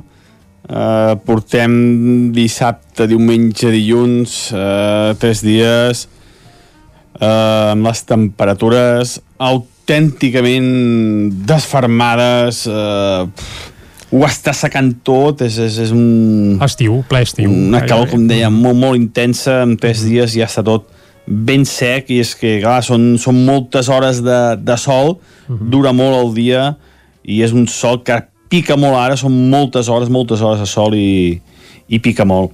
I avui serà un dia molt, molt semblant al d'ahir, molt semblant al d'ahir. Potser baixa la temperatura 1 o 2 graus, però clar, poc ho notarem. Mm, Les màximes no, no seran poder 34-35 graus com ahir, i tindrem la majoria de màximes entre els 29 i els 33, eh, però bueno, eh, poc, poc ho notarem. A l'igual que a la tarda, creixeran nuvolades, sobretot a la zona del Pirineu, i en algun lloc poden ser destacables. Ahir vam tenir 13 litres a Sant Pau de Segúries, 28 a Núria, també uns 30 litres a, cap a Baiter, Uh, avui seran semblants als d'ahir i afectaran també els llocs uh, com els d'ahir, eh? aquestes zones sobretot de l'Alt Pirineu de, del Ripollès no es descarten quatre gotes també al nord d'Osona tot i que és més difícil que, que hi puguin arribar a caure, eh? sobretot afectaran això, la zona del Ripollès Uh -huh. I això és tot uh, a disfrutar el dia d'avui a la gent que li agrada la calor uh -huh. molta precaució amb la calor precaució amb el foc i, i això, a disfrutar de, del dia d'avui moltes gràcies i fins demà. Adéu. Doncs moltes gràcies, Pep, i exacte, molta cura, sobretot als boscos, que avui hem hagut de parlar d'un parell d'incendis, en aquest cas al Vallès, per tant, molta i molta precaució, i Vicenç, és que les temperatures s'han disparat, eh, aquests dies. A l'Averíssimes no és estrany que hi hagués ahir un incendi provocat per petards a Sant Feliu de Codines perquè van arribar als 36 graus de temperatura. Que aviat és dit. La més alta del territori 17, 35 a Caldes de Montbui, per dues dècimes no hi van arribar a Sant Vicenç de Torelló, Uh -huh. 34 i mig a Roda de Ter, a les Masies de Roda, 34 a Centelles, a Sant Martí Sescols, a Vilanova de Sau, a Gurb o a Tavernoles, 33 graus a moltíssims llocs, per dir-ne alguns, eh, Granollers, Cardedeu, la Garriga, Manlleu, la Gleva, Call d'Atenes, Prats de Lluçanès, Olost, el Pantà de Sau, Aigua Freda, Torelló també.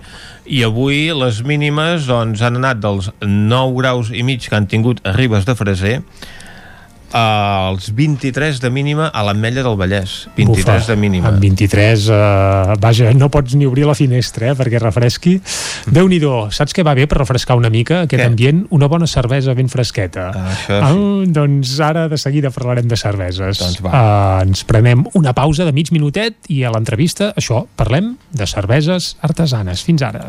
Casa Tarradellas us ha ofert aquest espai. Territori 17. Envia'ns les teves notes de veu per WhatsApp al 646 079 023. 646 079 023. WhatsApp Territori 17.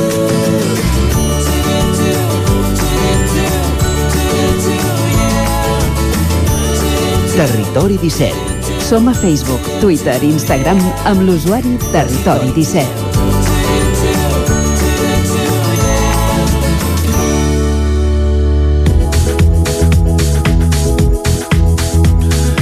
Ara mateix és un quart d'onze. La carbonera de la cerveseria Sant Jordi de Cardedeu s'emporta la medalla d'or a la millor cervesa Scottish and Irish Beer al Barcelona Beer Challenge, una de les fires del món cerveser més importants a Europa. No és la primera vegada que és reconeguda pel jurat internacional aquesta cervesa, o sigui que en volem conèixer més secrets. I per conèixer aquests secrets anem cap a Ràdio Cardedeu on ens espera l'Òscar Muñoz. Bon dia, Òscar. Bon dia, Vicenç. Doncs sí, avui parlem amb el Roger de la cerveseria Sant Jordi. Bon dia, Roger. Bon dia, què tal? Què té la carbonera que agradi tant? Mira, molt de carinyo i molt d'amor i moltes hores de dedicació, això és bàsicament també el que porta, a part d'uns ingredients que els anem a escollir doncs, uh, i seleccionem doncs, per poder tenir un producte final també super ben treballat, no? I bàsicament seria, aquest seria el secret. I no és la primera vegada no, que guanyeu eh, el, el BCN Beer Challenge. Què significa per vosaltres aquests reconeixements? Home, eh, per nosaltres, eh, bàsicament és això, no? que, com bé dius, és un reconeixement de la feina ben feta i de, dels anys de dedicació i d'anar doncs, cada vegada, cada any aprenent més dels errors i de, dels anys de, més verdaders i anar millorant el producte, no? És reconeixement a l'esport i, la, i la dedicació de la cervesa. En el concurs va haver-hi unes 1.167 cerveses eh, procedents de 232 cerveseres eh, amb 40 jutges especialitzats que avaluen aquestes cerveses no, amb els participants. Com, com es presenta una cervesa a festivals com aquest? Mira, bàsicament, en aquest cas, en aquest festival, ens hi presentem sobretot per proximitat, uh, perquè és un dels festivals més importants que es fan a Europa i es fan aquí a casa nostra, no? es fan a Barcelona, i, i, i llavors també doncs, perquè uh, una de les coses positives doncs, de presentar cervesa en aquest concurs és que, com molt bé dius, tens professionals que te l'estan provant i llavors reps uh, una nota de tard, no? una nota doncs, que et valoraran com a estil de cervesa i com ha estat fet la seva.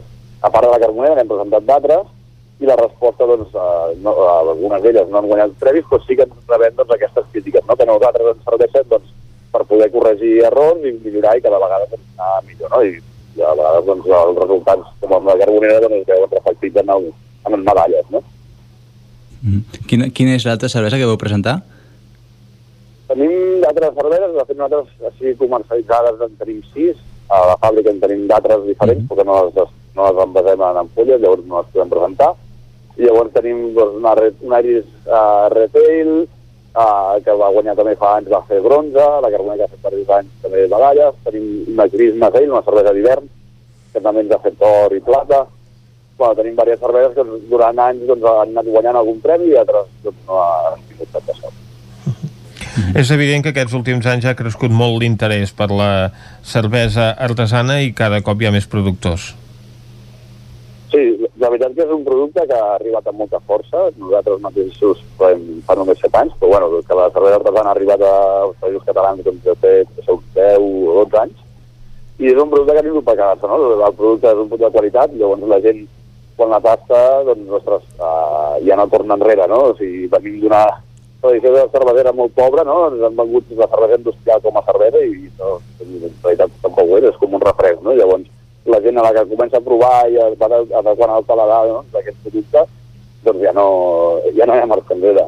De fet, també és un producte que, doncs, que tens una varietat molt àmplia, no? O sigui, nosaltres hem guanyat aquest premi amb la Carbonera, que és una Iberia Stout, que és una cervesa negra, però tens un ventall infinit de gustos i aromes diferents i llavors per depèn de cada moment depèn del que estiguis menjant o depèn de com estiguis tu i inclús estàs d'ànim, doncs et tindrà de gust una cervesa o una altra. Mm. I en el cas de la cervesa artesana doncs pots triar, no? I llavors en fer-la encaixar doncs, amb el que més gust et vingui.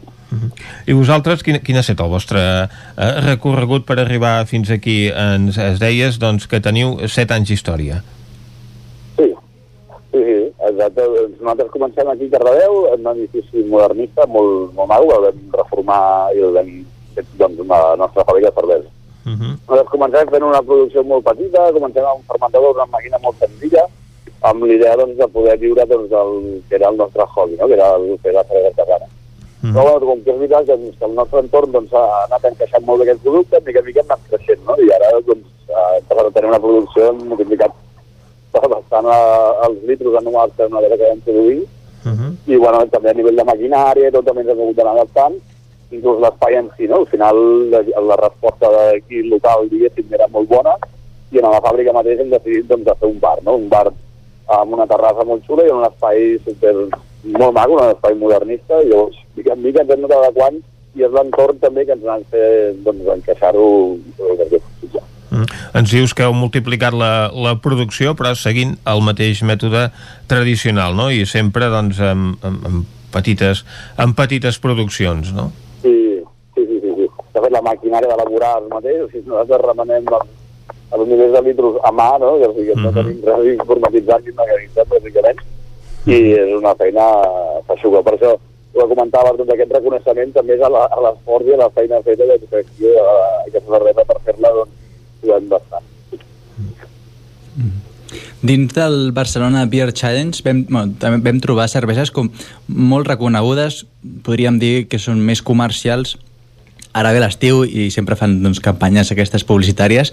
Eh, costa ampliar mercat en aquest sentit o no competiu amb aquestes sinó que aneu més cap a una altra eh, direcció? Mira, al final cada cervesera agafa la seva estratègia comercial. Uh, nosaltres el que sortim d'un poble com Cardedeu, que no hi havia tradició cervesera, llavors el que intentem fer és doncs, estils molt clàssics, molt bevibles, molt agradables, doncs per poder doncs, ficar aquí una miqueta en falca doncs, la, la cultura cervesera, no? I llavors mica en mica anar encaixant. Sí que és veritat que ara, avui en dia la, el, el paladar cerveser doncs, a ciutats com Barcelona, a ciutats més grans, doncs, va molt més endavant, no? llavors la, la gent cada vegada doncs, et demana moltes novetats, uh, cada any surten estils de cervesa nous, no? llavors uh, nosaltres diguéssim que en aquesta roda hi anem entrant mica en mica, sobretot en, en el bar, perquè anem fent lots, uh, edicions limitades, que només es venen en barrilen allí, però sí que és veritat que va molt més ràpid. Llavors nosaltres aquí no entrem tant, perquè nosaltres entrem molt doncs, a nivell de proximitat, doncs, a, molts, doncs, a, a molts restaurants, a petits comerços, no? on no hi ha aquest, uh, aquestes ganes de cada dia trobar coses noves. Sí que anem fent, mica mica va creixent tota aquesta demanda, eh, doncs, aquí de, de proximitat, i mica mica ens anem adaptant, però bueno, diguéssim que no, no estem uh, cada dia traient productes nous com podrien ser les, les, uh, les cerveses que estan en aquesta línia de comercial, no? Uh -huh. Aquests dies heu tornat a participar a la mostra de cervesa artesana de Mediona, que enguany s'ha hagut de celebrar de forma diferent, no? Sí, de fet, per, per desgràcia, no, amb el tema Covid, doncs, eh, hi ha moltes coses que s'han estat traient, i entre elles doncs, són les fires de cervesa tan esperades, no? sobretot ara ja d'aquesta època, I Mediona és una d'elles, no?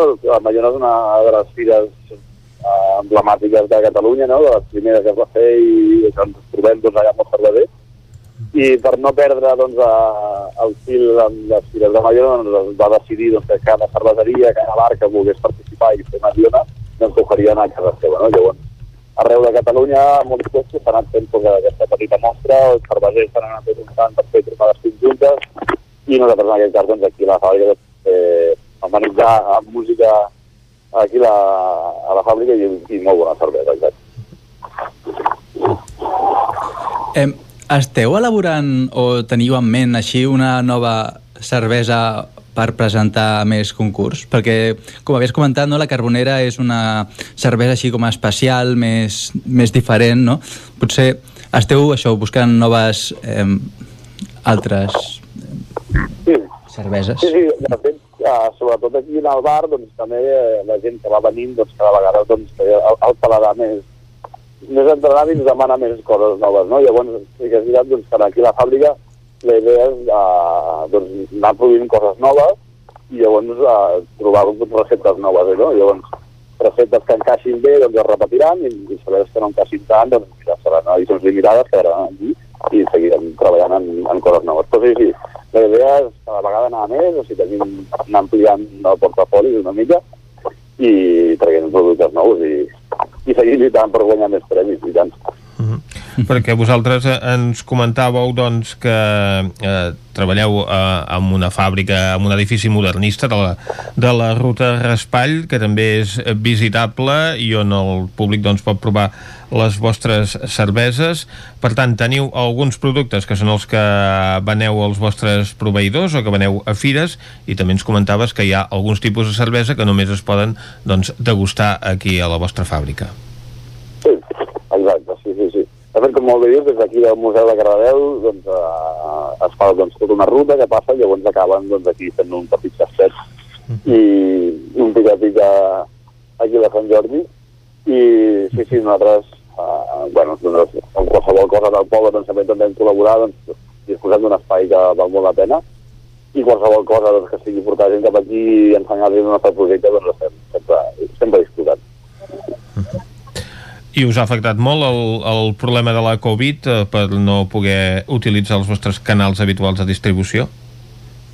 Home, no ha sigut fàcil. Uh, clar, nosaltres aquí teníem dos, dos línies de venda, no diguéssim, la venda directa que podíem tenir aquí al bar, i llavors la venda que es podia fer als bars, restaurants i, i petits comerços, no?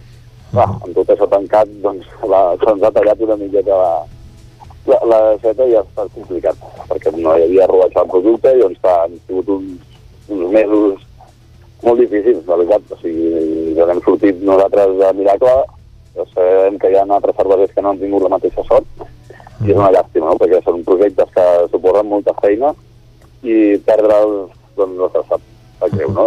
Dol bastant. I tant que sí.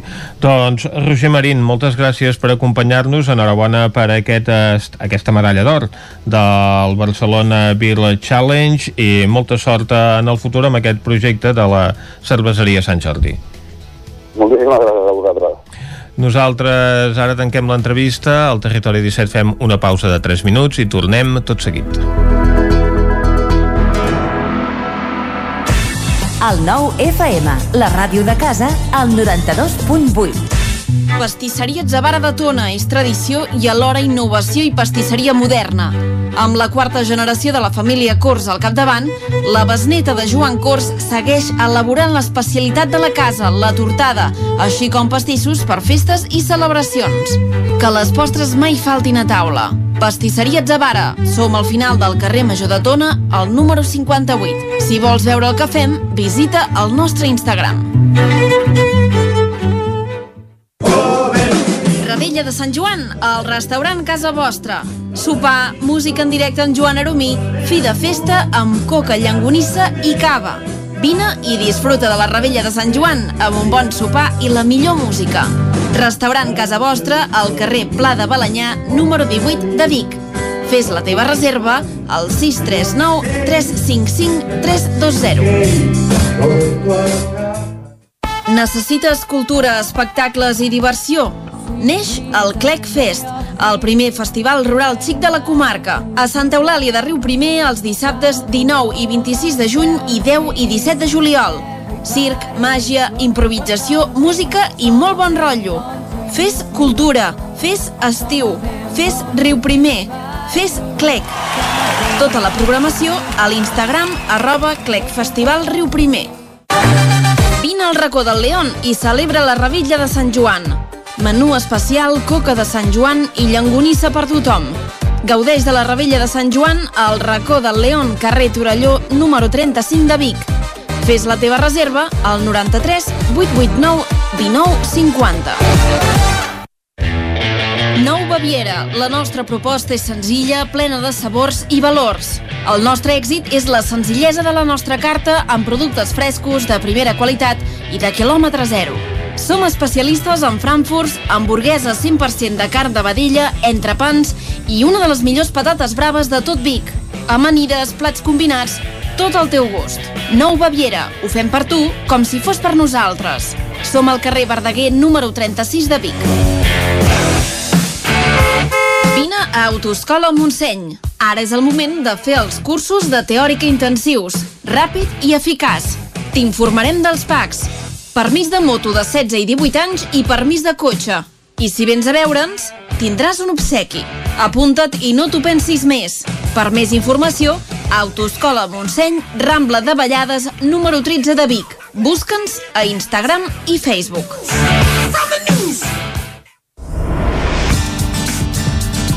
El nou FM.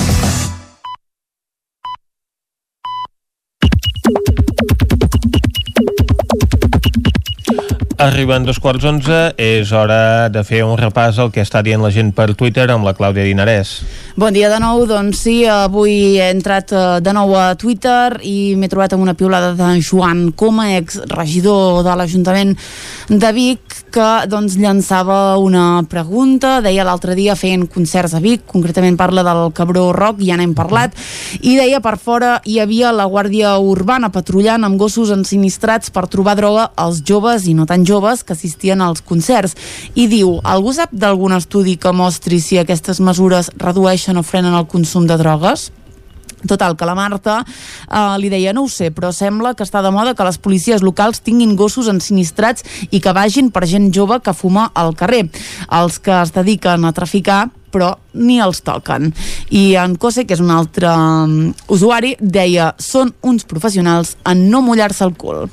Doncs bé, és una, una pregunta que llançava en Joan Coma, si algú doncs, la contesta, si voleu, demà podem podem recuperar-la, a veure si tenim alguna resposta. En Barney és molt treballador, això Exacte. sí. En Barney, uh, sí, sí, sí, estava allà. De fet, jo el vaig veure Clar. amb els meus propis ulls, sí, sí, ara que ho penso. En Barney és el gos Exacte. dels municipals de Vic, que en teoria té un nas molt fi per detectar... Sí, n'hi havia un altre, eh? n'hi havia dos, en Barney i un, un Carai, amic tu, d'en Barney. sí, això era, era seriós. Exacte.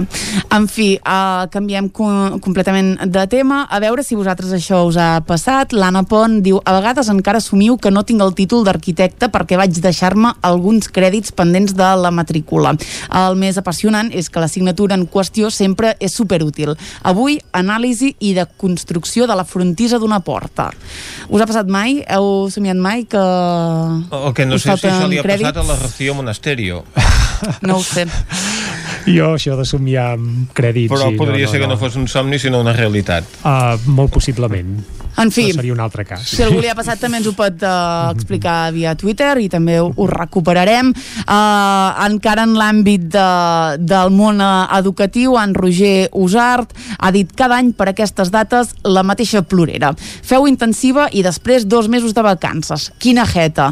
Avui ja l'he sentit dos cops. El problema no és que jo tingui dos mesos de vacances, el problema és que no els tinguis tu i això no és culpa meva, imbècil. Uh, Roger Usart doncs, està una mica enfadat a les xarxes, sabem que és músic, però també sabem que és mestre, s'apropa doncs, al final de curs i uh, aquests comentaris doncs, uh, mes de juny uh, solen aparèixer. Un clàssic, aquests comentaris, Exacte. evidentment. I el fan enfadar. Però bé, en Roger Usart, cal dir que és molt treballador i és d'aquells mestres que el juliol l'aprofiten per formar-se també, eh? Que Molt hi ha bé. alguns d'aquests. Sí, sí. I acabem eh, amb aquell tema que ja vam arrencar de les escopinyes, eh, les xarxes bullien, en- la, la presidenta Laura Borràs ens va, ens va recomanar doncs, quines eren les millors escopinyes. Les del bon preu, eh? Ho vam, Les del ho vam preu, anotar, eh? Escopinyes de llauna, eh? Mhm. Hem de puntualitzar-ho. Total, que eh, continua aquest fil a Twitter perquè ahir en Jaume Alonso Cuevillas eh, doncs, va anar a carregar-se de ferro amb la presidenta, la Laura Borràs, però aquí ja no ha agradat tant perquè han canviat les escopinyes per ostres. Caram. I això no ha agradat a Twitter perquè doncs, diuen que les ostres són molt cares i que la cosa no està per anar a menjar ostres, uh, però bé, en Lluís els ha defensat una mica i ha dit penya queixant-se que no tocava perquè menjar ostres és un luxe. Catalunya, país de grillats. I a més a més, el regidor d'Esquerra Republicana Vic, en Josep Lluís Garcia, que és una persona molt observadora per el que acostuma a dir a Twitter, diu, ostres amb Coca-Cola perquè és cert que la presidenta apareix doncs bevent Coca-Cola no sé si mariden, però veu Coca-Cola El que no sabem és si aquesta beguda l'ha comprat també al bon preu. doncs no I és la de marca pròpia o no. les ostres són fresques i no són del bon preu en fi, fins aquí, demà més doncs, escolta'm, menjar ostres un cop de tant en tant tampoc no és cap delicte, no seria motiu de sanció per, a, per prendre doncs un dia unes quantes ostres i Mhm. així, a més a més, agafar una mica de, De ferro, clar que sí. Va, i I ara ferro- anem del ferro, no al paper, sinó a la versió digital del 9-9. Correcte, fem un cop d'ull al 99.cat i avui comencem per l'edició del Vallès Oriental, l'edició de color verd que obre explicant que un incendi crema ara mateix una zona de bosc a Vilanova del Vallès. Uh, un Tercer altre incendi al Vallès en correcte, hores. perquè també es fan ressò de l'incendi que crema el drac de la Serreta de Cardedeu, del qual ja hem parlat aquí a Territori 17, i més incendis encara al Vallès Oriental.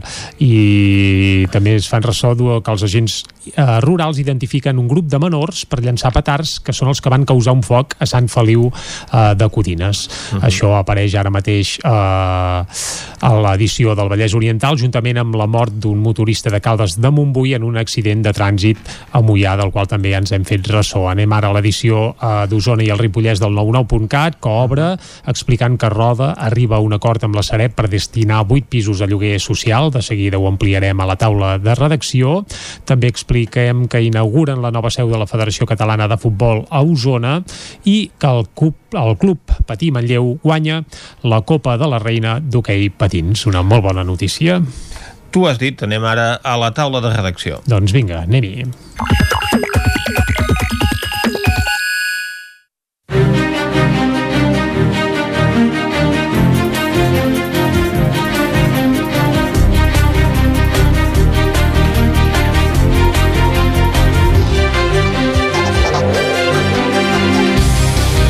Avui a la taula de redacció ens acompanyaran en Guillem Rico i la Dolors Alta Riba.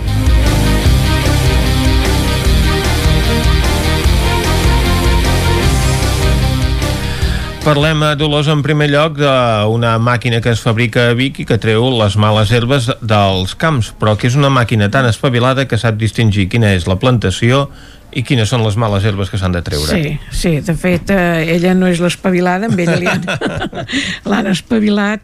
Mm, sí, sí, és eh, l'empresa maquinària agrícola Sobi, eh, que són un, és una empresa jove, que de fet va néixer eh, el 2010, eh, allò com aquell que diu en plena mm, crisi de, en aquell moment, eh, i ells fabriquen maquinària per, per, per, per treballar al camp i llavors eh, aquest el que han fet ha estat incorporar-hi tots els elements, els elements aquests de la intel·ligència artificial que fan que es pugui fer eh, aquesta tria, diguem-ne, doncs, eh, des de la pròpia màquina, no? Llavors, eh, la màquina és, és, és Uh, igual que les que ho fan ara, arrenca, que arrenca la, la mala herba, perquè uh -huh. hi ha diferents hi ha altres sistemes al món que s'estan desenvolupant amb un sistema làser, per exemple, per, per matar les males herbes, que és molt més car, diguem-ne, és un altre, un altre tema, i aquest el que fa és arrencar-ho, el que passa que ho fa, doncs té un, uh, amb, un,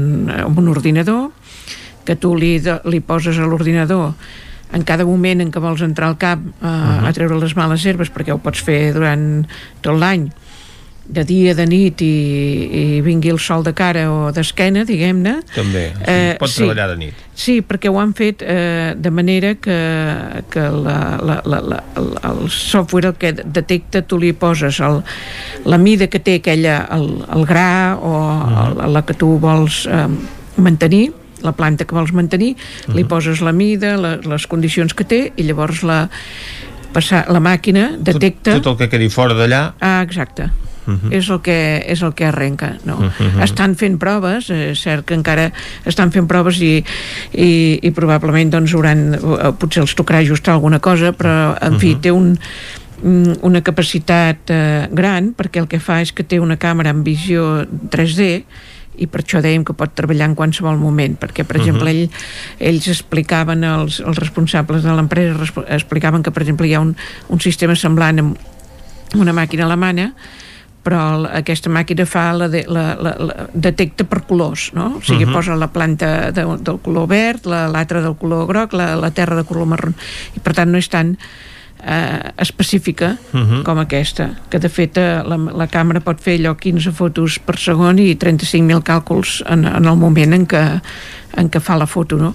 llavors la, el, el, el, el sistema és que la, la, la, mateixa màquina es mou en funció de, de, de on troba la, la mala herba bé, és Mhm. una és una innovació eh, feta per una empresa petita Mhm. eh, jove i, i en fi, local diguem-ne, no? O sigui que per tant a vegades quan es parla molt d'aquests temes d'intel·ligència artificial sembla que només ho puguin fer les grans empreses i en tot cas eh, ells han demostrat que ho poden fer ells, que ho fan a més a més amb una plantilla molt jove tenen, és una empresa que té 9 persones però justament les dues últimes que han incorporat ha estat en l'any Covid o sigui que eh, el sector en aquest sentit, l'agrícola o el de o el de serveis essencials o ells eh, Han mantingut no, ho han mantingut i, sí, i no, no han notat diguem-ne aquesta, Mhm. aquesta part de la crisi diguem-ne I tot això es desenvolupa perquè a partir d'ara no es podran utilitzar plaguicides per matar les males Cert, herbes. això és una de les, de les coses que fa que eh, la, quan, Mhm. quan hi ha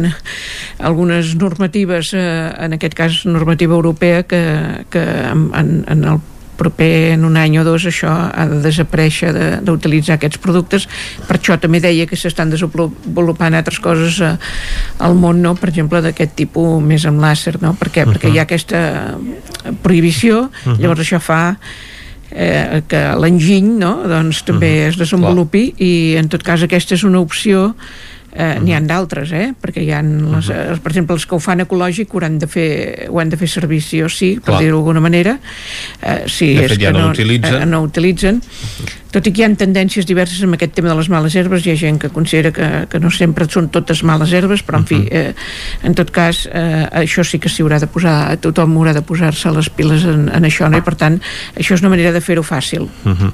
Doncs, eh, Dolors, moltes gràcies. Eh, Nosaltres ara canviem de tema i ara anem a parlar de Roda de Ter, perquè l'Ajuntament de Roda ha arribat a un acord amb la Sareb per poder utilitzar per lloguer social uns pisos que la Sareb té en aquesta població. Guillem Rico. Bon dia, doncs sí. Uh, la Sareb té 25 pisos a Roda i han arribat a un acord per, per aquesta sessió per 4 anys de, de 8 dels pisos. Uh Mhm. -huh. uh, fa un bastants mesos que van començar-hi a treballar, des de finals d'any, uh, sembla, uh, perquè a Roda hi ha una manca d'habitatge d'aquest tipus. De fet, a Roda no hi ha habitatge social actualment. Hi havia la necessitat i llavors van veure que hi havia aquests pisos buits de bancs van començar a negociar pel novembre i eh, hi va haver aquesta oportunitat van, van tirar-ho endavant de fet amb el pla d'acció municipal del nou govern el nou govern que ja farà aviat un any que, que, és, que hi és eh? Mhm. uh, van, van ver, eh, es comprometien amb això, no? a trobar aquest tipus d'habitatge, van veure aquesta manera, van anar-ho negociant, eh, van veure a través de serveis socials què podien assumir per gestionar i van dir, doncs val, en demanem 8. Semblava que tot anava bé i quan pel març més o menys anaven a firmar ja els convenis, la Sareb els va dir que no, que no tirarien l'acord perquè els pisos ja no, no estaven, deien que no estaven destinats a, a lloguer social. Llavors, des de Roda van dir-ho al grup del Senat, D'Esquerra Republicana. d'Esquerra Republicana perquè entressin una pregunta i casualment el dia després d'haver entrat la pregunta eh, haver-la registrat abans de que es, que es pogués fer la pregunta Mhm. Eh, van rebre un... els hi van comunicar des de la Sareb que, Es va que sí, solucionar el que tema. ja, ja podien firmar-ho i per tant doncs els propers dies es signarà aquest conveni que dèiem per, per 4 anys d'aquests 8 pisos el que no saben encara és quins pisos concretament seran perquè això ja en aquests 25 eh, ja han de veure doncs la Sareb quins els hi proposa Per tant, no són 8 que formin part d'un mateix bloc, per exemple? no, no, no se sap. No, pot ser que que, no se sí, sap. pot ser que no. O sigui, veuran en, en el moment que, de, que, que signin aquest conveni doncs, de, quins, de quins pisos es tracta. Per tant, no saben encara quines dimensions i quines habitacions, uh -huh. etc que tindran. Uh -huh. Això des de, des de l'Ajuntament doncs, es veien bueno, satisfets per haver fet aquest pas important, eh, conscients de que amb això no se soluciona el problema d'habitatge a roda, sinó que és un pas més, però que estan treballant altres vies per, per poder aconseguir més habitatge social. I paral·lelament a Sant Quirze també han demanat, eh, volen demanar a la Sareb doncs, poder disposar de l'ús de fruit de, de, de quatre habitatges que també són de la Sareb. Uh -huh. El que passa que d'aquests quatre seria per destinar-los a, a lloguer social i també per a joves, com el mateix cas de Roda, però en aquest cas hi ha tres que estan ocupats. Llavors també seria una manera de regularitzar la... Si uh -huh. Volen intentar d'aquesta manera d'aquesta gent. regularitzar la situació d'aquesta gent que estan ocupant aquests pisos Uh -huh. eh, i a més a més aquest quart pis que encara està buit doncs poder-lo també destinar eh, a aquesta, a aquesta finalitat de, de lloguer social diguem. Uh -huh. de fet és un no? hi ha molts pisos que té la Sareb que estan buits ha aquesta manca d'habitatge a, molts, a, a molts municipis, no només a Roda i a Sant Quirze i llavors el que estan intentant ara els ajuntaments doncs és aprofitar-ho perquè uh -huh. per no tenir pisos tancats buits quan hi ha gent que que no troben pisos assequibles i, tampoc, i també hi ha joves que es volen emancipar i que no disposen de- de- d'oferta. De, de fet, també en parlàvem l'altre dia de, de, no, en altres municipis també per exemple de, de, del Ripollès que, que no troben habitatge i que han de, per exemple Planoles o Ribes que també és molt difícil de trobar, de trobar habitatge i que també doncs, eh, estan buscant estratègies per, per trobar-ne per tant això, l'habitatge és un, un dels problemes actuals de, de, de, molts, de molts municipis vaja. Doncs Guillem, moltes gràcies. De res, bon dia. Nosaltres tanquem la taula de redacció i anem a buscar-nos la vida, però amb la Xela Falgueres. Territori 17. Busca't la vida amb Cela Falgueres. Doncs, com bé dius, Vicenç, quan passa ara mig minutet de tres quarts d'onze del matí, és l'hora del Buscat la Vida amb la Txela Falgueres, perquè si ens l'haguéssim de buscar nosaltres... Ho eh, tindríem complicat. En canvi, més- ell ens ajuda cada setmana. Exacte, i a més vinculat al món de les noves tecnologies, eh? que, que és un àmbit que has de ser la. Txela, has de ser la Txela. Uh, li diem bon dia, va, Oh, Txela, uh, què tenim avui, Txela? Bon dia. Doncs avui tenim el programa 99 Carai. de Buscar la Vida i avui és un programa molt especial.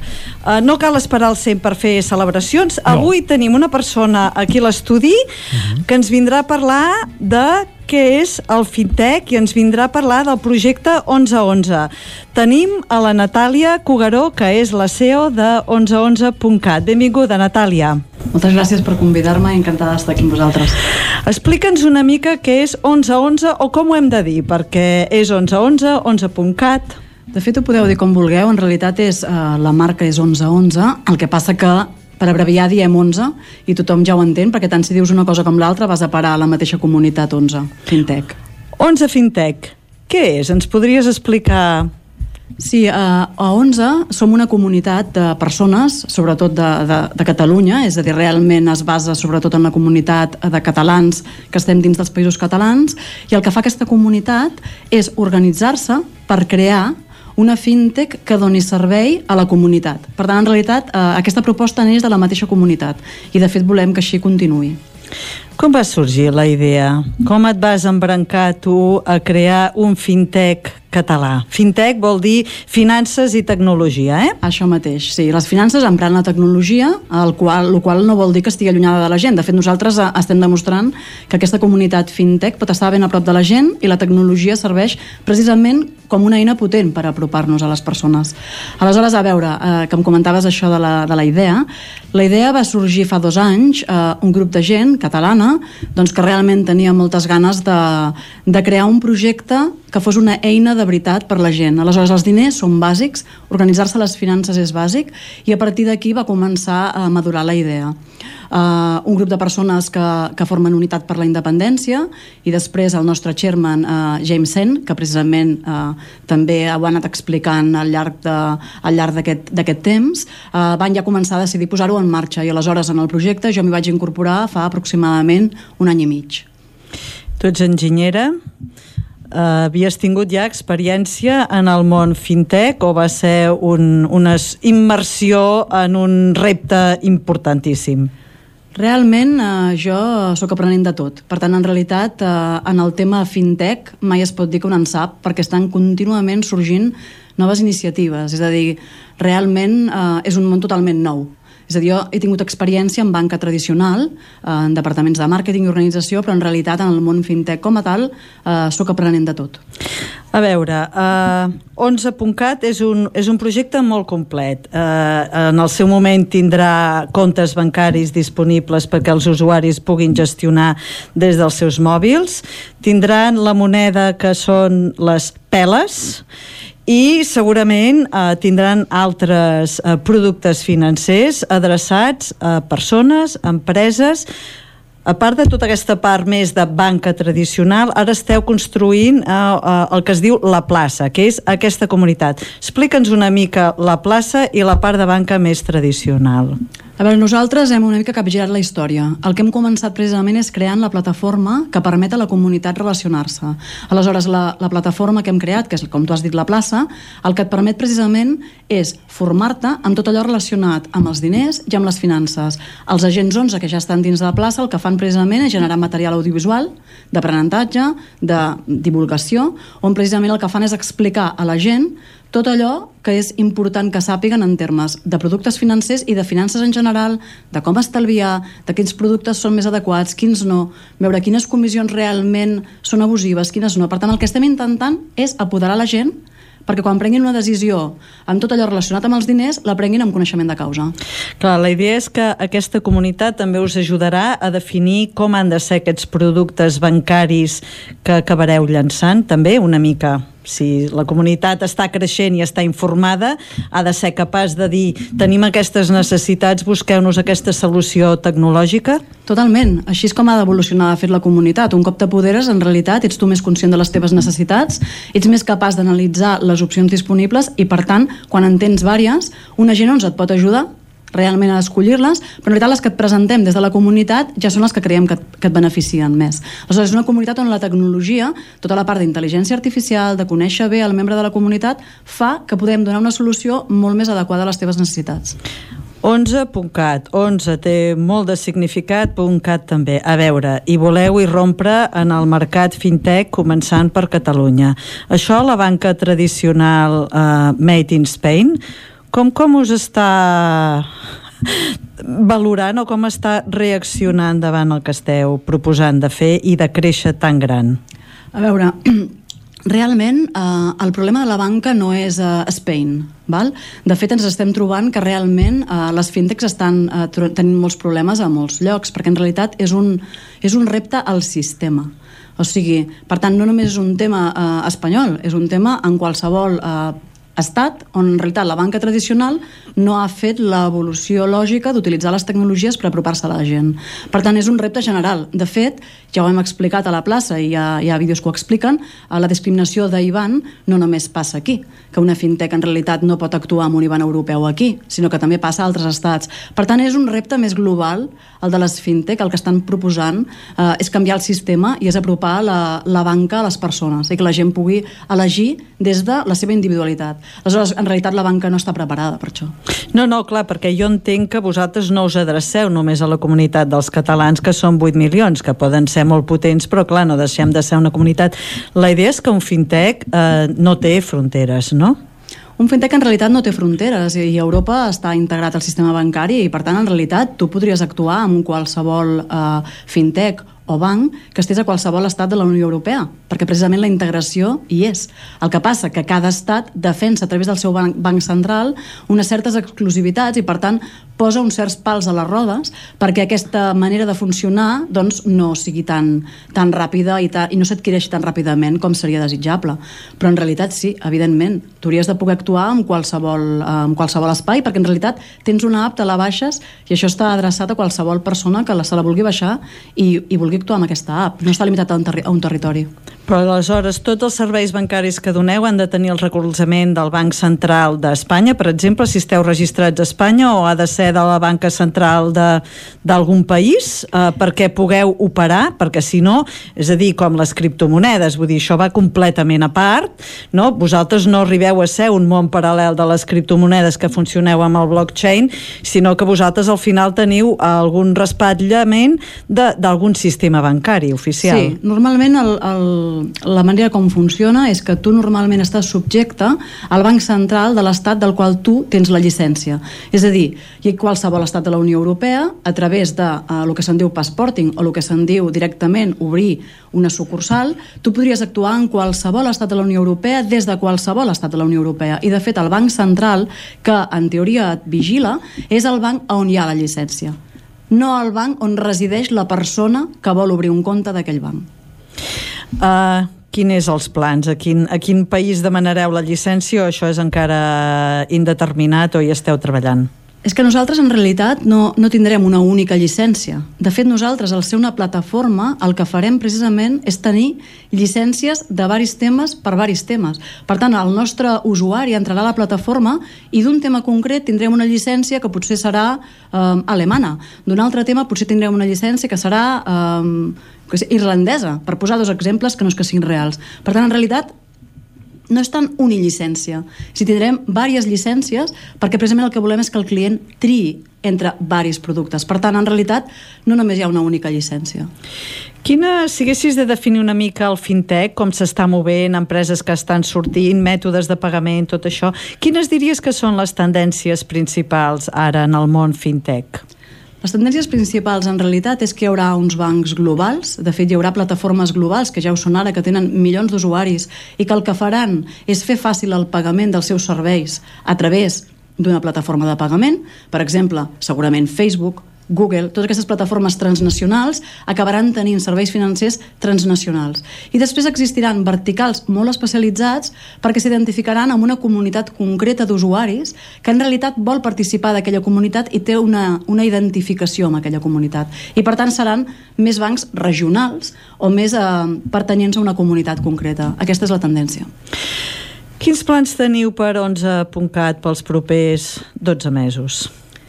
Pels propers 12 mesos tenim eh, plantejat ja començar a posar a disposició de, dels usuaris de la plataforma eh, productes eh, bancaris o financers, és a dir, de finançament, eh, de temes de, de fintech més de pagament, eh, targetes, és a dir, en realitat el que estem és intentant començar a llançar ja productes directament per la comunitat. De totes maneres, seguirem, com hem començat, nodrint la nostra eh, xarxa social privada, de tal manera que l'usuari hi trobi, eh, hi trobi realment la necessitat d'anar-hi a formar-se. Serà un referent on en realitat qualsevol persona podrà formar-se a través dels diners. Per exemple, ara hi ha una sèrie que ja l'estem a punt d'acabar, que és la sèrie El diner, i que expliquem exactament a través d'uns vídeos didàctics que la gent pot autoaprendre, autoformar-se i avaluar si ho ha après a través d'aquesta plataforma. I és una de les maneres també d'adquirir la nostra moneda virtual, les peles, formant-te. És a dir, paguem perquè la gent es formi. Les peles, què seran? Una criptomoneda? Què serà això? Serà una cosa simbòlica per intercanviar amb serveis d'altres persones que pertanyin a la comunitat a la plaça de... Com funcionarà? Quina és la previsió? De moment les peles eh, és una moneda virtual que la, que la gent acumula en el seu bitlleter virtual a través de la comunitat. Quan entres a la plataforma i et registres, tens el teu moneder, comences a visualitzar eh, contingut, vídeos, comparteixes, eh, fas m'agrada, fas comentaris, li dic, comentes a qui ha escrit el que t'agrada, el que vols, eh, què vols que surti a la plaça, i tot això, interactuar, et genera peles en el teu eh, moneder virtual. Aquestes peles només es generen perquè contribueixes a la comunitat. És a dir, en realitat, de moment no es poden adquirir des de fora.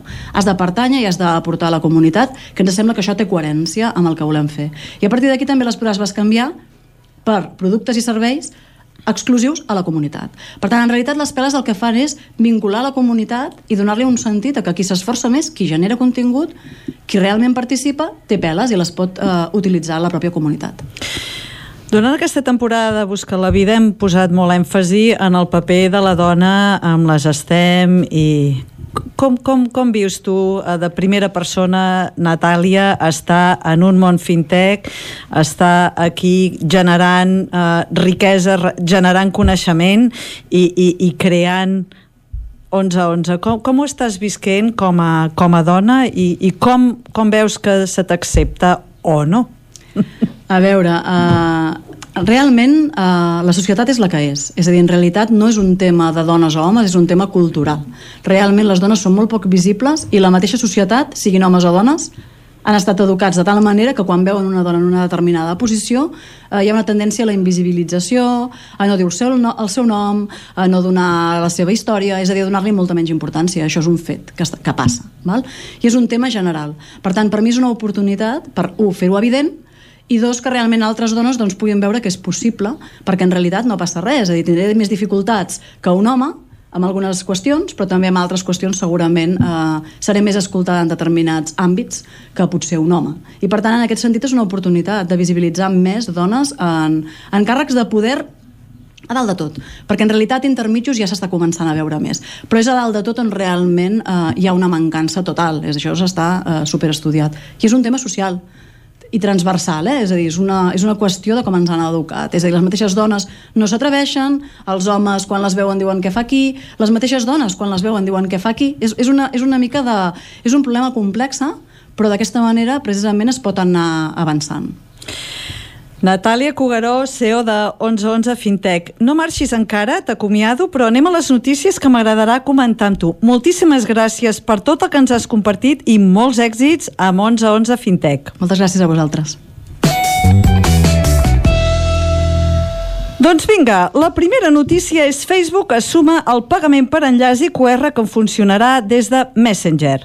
Uh, de moment aquesta funcionalitat només estarà disponible als Estats Units i permetrà que els usuaris de Messenger puguin enviar o sol·licitar diners a qualsevol persona amb Facebook Pay, fins i tot si no estan connectats. No cal descarregar cap app de pagament. Està clar que Facebook s'està posant les piles per tal d'oferir nous mètodes de pagament a través de la seva plataforma. Natàlia, com veus tu que Facebook i Facebook Pay ja comencin a facilitar realment uns pagaments que seran pràcticament invisibles per l'usuari, perquè ja posaràs l'empremta, pagues i adeu. Totes aquestes plataformes que tenen tants usuaris, el normal és que integrin amb tota la tecnologia que hi ha allà i que utilitzin els seus propis clients per facilitar-vos els pagaments. Això és un clic bastant immediat i precisament és una tendència no només de Facebook, segurament ho anirem veient en altres plataformes també. T'anava a dir, no és una mica preocupant? Perquè fins ara Facebook ja sap tot de nosaltres, ara sabrà tot dels nostres diners, a més. Sí, és clar, això és que cada usuari agafi consciència i precisament per aquesta part és la part de l'apoderament de l'usuari, entengui quines dades comparteix, quines no i quin perill té el fet de compartir-les. Per tant, això és una decisió personal que ens hauríem de preocupar nosaltres mateixos de saber què es fa amb les nostres dades, de quina manera estan gar- garantida la seva seguretat, la seva transmissió. És entendre les persones que tenim una responsabilitat amb les nostres pròpies dades. Vinga, anem a una altra notícia. Neix un e-wallet europeu que permetrà identificar-te i fer pagaments a tota la Unió Europea. Una recent proposta a la Unió Europea concep la creació d'una bitlletera digital que permeti a qualsevol persona dins de la Unió Europea accedir a serveis públics i privats des del seu dispositiu mòbil. Funcionarà com un carnet d'identificació europeu que podrà emmagatzemar el carnet de conduir, el DNI o títols i permetrà tràmits burocràtics com per exemple la matriculació a universitats. Però també permetrà realitzar pagaments com per exemple impostos, lloguers de vehicles i d'habitatges. Es preveu que aquest e-wallet entri en funcionament l'any que ve. Natàlia, què ens hauries de comentar d'aquesta mm, iniciativa de la Unió Europea? Doncs és fantàstica. De fet, sembla mentida que els bancs actuals no, no l'hagin eh, posat ja a disposició de tots els clients per facilitar-los tots els pagaments, perquè un banc precisament hauria de servir per facilitar les finances de la gent. Per tant, em sembla una meravellosa notícia que realment els bancs ja haurien de córrer a integrar-la a les seves plataformes. Sí, de fet, jo vaig veure vaig viure una temporada a l'estranger i jo pensava, a veure, mm, jo què sé, eh, si el Deutsche Bank uh, obro una oficina a Espanya i si vaig a, a viure a Alemanya necessito obrir un altre compte corrent en allà i fa quan vaig marxar que no era Alemanya però la resposta era sí, jo era amb un Barclays no jo pensava, a veure, Sir Barclays per què he d'obrir una... Doncs sí, eh, tot estava segmentat eh? per tant potser que aquesta integració és més que necessària Totalment, sí, sí.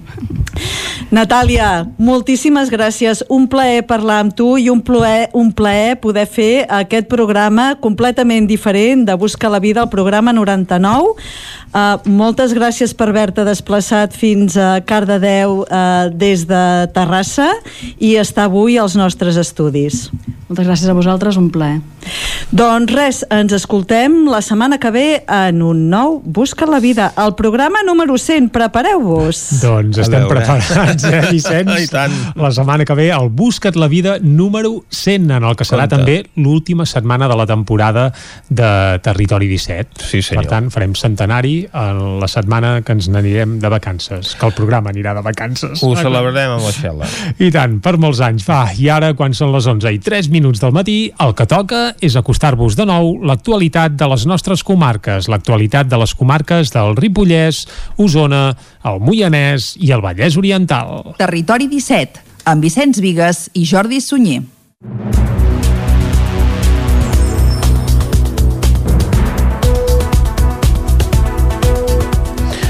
L'avanç de la vacunació i la millora dels indicadors epidemiològics fan que des d'ahir dilluns el Consorci Hospitalari de Vic torni a permetre que els pacients puguin tornar a tenir acompanyants.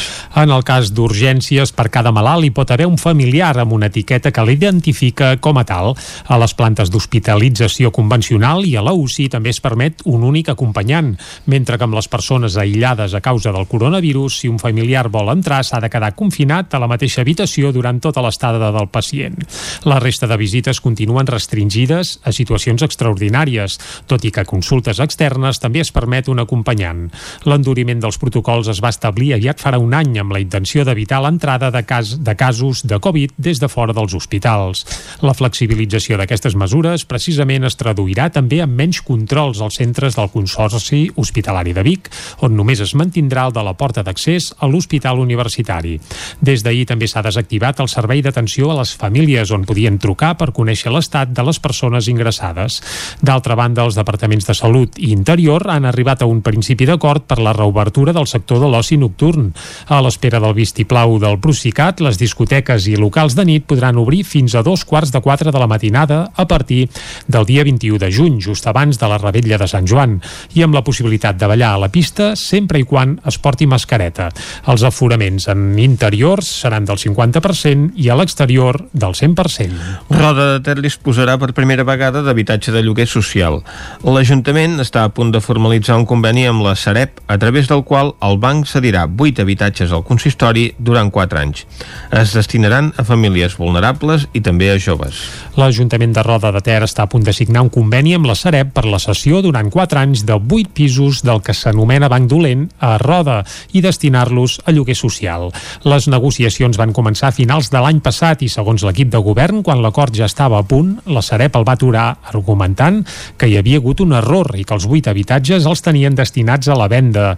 L'equip de govern ho va traslladar al grup d'Esquerra Republicana al Senat espanyol, que va registrar una pregunta al govern. Un dia després del registre, curiosament, el conveni es va desencallar. Roger Colomines és l'alcalde de Roda de Ter. Estem molt satisfets perquè doncs, són vuit pisos que tindrem a disposició doncs, del nostre municipi durant, durant 4 anys eh, prorrogables.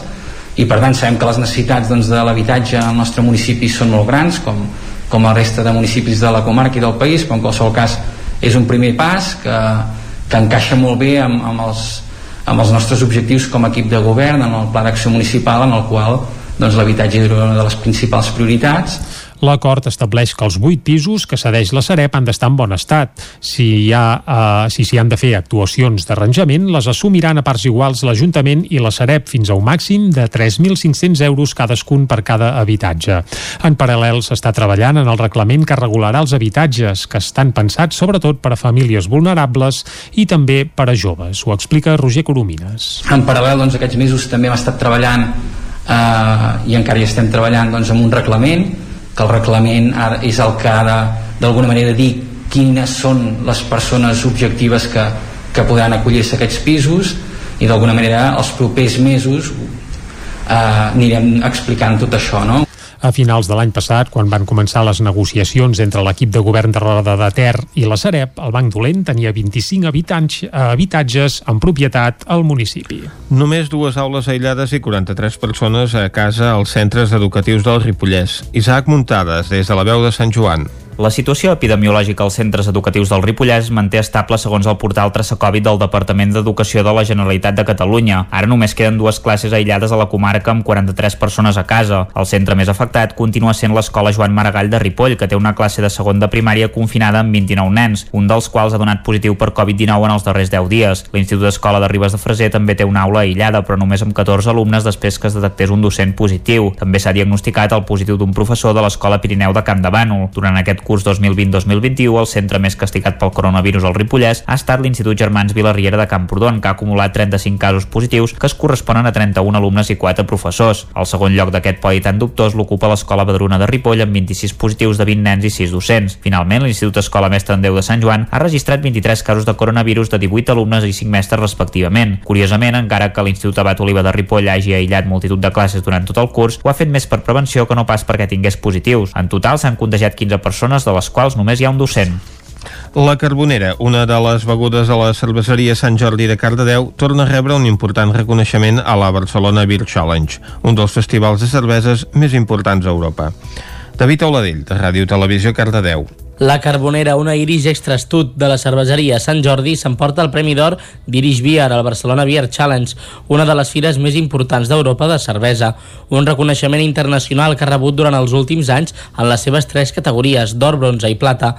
Roger Marín, mestre cerveser de la cerveseria Sant Jordi. Per nosaltres és molt important aquests reconeixements no, que et puguin donar, que al final no deixa de ser això, un reconeixement de tota la feina feta, no? de tantes hores aquí laborant i el carinyo i les hores que li dediquem a, doncs, a la cervesa que hi hagi un reconeixement inclús a nivell internacional, no? que aquest concurs que hem guanyat doncs, és, una de les fires més importants d'Europa, que es fa a Barcelona, el Barcelona Beer Challenge, i tens catadors internacionals que et diuen hòstia, que aquesta cervesa que estem fent aquí a Cardedeu doncs, ostres, està ben feta i, i com no, la Carbonera doncs, ha tornat a guanyar una altra vegada una medalla d'or en aquest uh, concurs internacional. Els premis a les millors cerveses artesanes han otorgat aquesta medalla d'or a la categoria cervesa irlandesa a la Carbonera, una cervesa negra d'estil irlandès amb un sabor intens. La cervesa està inspirada a la carbonera de Cànovas, un vincle inspirat en el gust de la pròpia cervesa. Roger Marín. És una cervesa molt especial, és una cervesa negra i no és de les cerveses doncs, més bevi- bevibles del món. No? Però sí que és una cervesa molt ben equilibrada, inclús un dia com avui doncs, es pot prendre tranquil·lament i acompanya en qualsevol situació. A més, aquest cap de setmana la cerveseria Sant Jordi ha participat a la mostra de Mediona, un dels esdeveniments més esperats pels cervesers artesans i que aquest any han celebrat des de les cerveseries locals artesanes, portant l'essència de la setzena mostra de cervesa artesana de Mediona a Cardedeu. Esports. La pedrera de l'Escola de Train del Moianès domina la categoria infantil de l'Olla de Núria. Jordi Givert, des d'Ona Codinenca. Després de fer un gran resultat als campionats d'Espanya de trail, el club del Moianès tenia com a repte l'Ulleta de Núria i el resultat no podia ser millor en categoria infantil. Victòria femenina per Uma Plans i doblet en categoria masculina amb victòria de Biel Segués i plata per Joan Guiteres. L'entrenador Ferran Albuqués destacava els bons resultats després d'un any sense competició. per part, per part dels nois i noies diu molt d'ells, de, de seguir amb la motivació elevada sense haver-hi competicions i realment doncs eh, molt content per ells i, i per saber doncs, que la feina que hem, que hem fet eh, dona els seus resultats i que ells ho poden veure reflectit sobretot per, per ells i elles. El Boqués reconeix que els últims resultats al Campionat d'Espanya han començat a crear certa expectació amb l'escola moianesa de trail dins del sector. però sí que és veritat que fa unes setmanes eh, es van fer diversos campionats d'Espanya en els quals cinc, de, cinc dels nostres corredors i corredores van estar seleccionats. Cinc de, de vuit, vull dir que al final això sí que això va ser potser el punt d'inflexió més important que, que ens va donar com a renom d'escola i que Els últims resultats al Campionat d'Espanya i a la Ulleta de Núria permet a l'Escola de Trail del Moianès començar a fer-se un lloc entre les canteres punteres de curses de muntanya del país. I fins aquí el butlletí informatiu de les 11 del matí que us hem ofert amb Vicenç Vigues, David Auladell, Isaac Muntades i Jordi Givert. Ara el que farem és una breu pausa de res, mig minutet, i de seguida parlem d'economia. Com tots els dimarts, ho farem amb en Joan Carles Arredondo.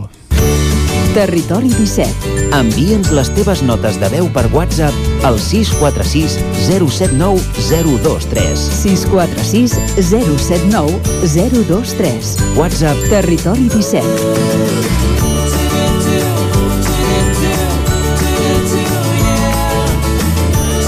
Territori 17. Som a Facebook, Twitter i Instagram amb l'usuari Territori 17.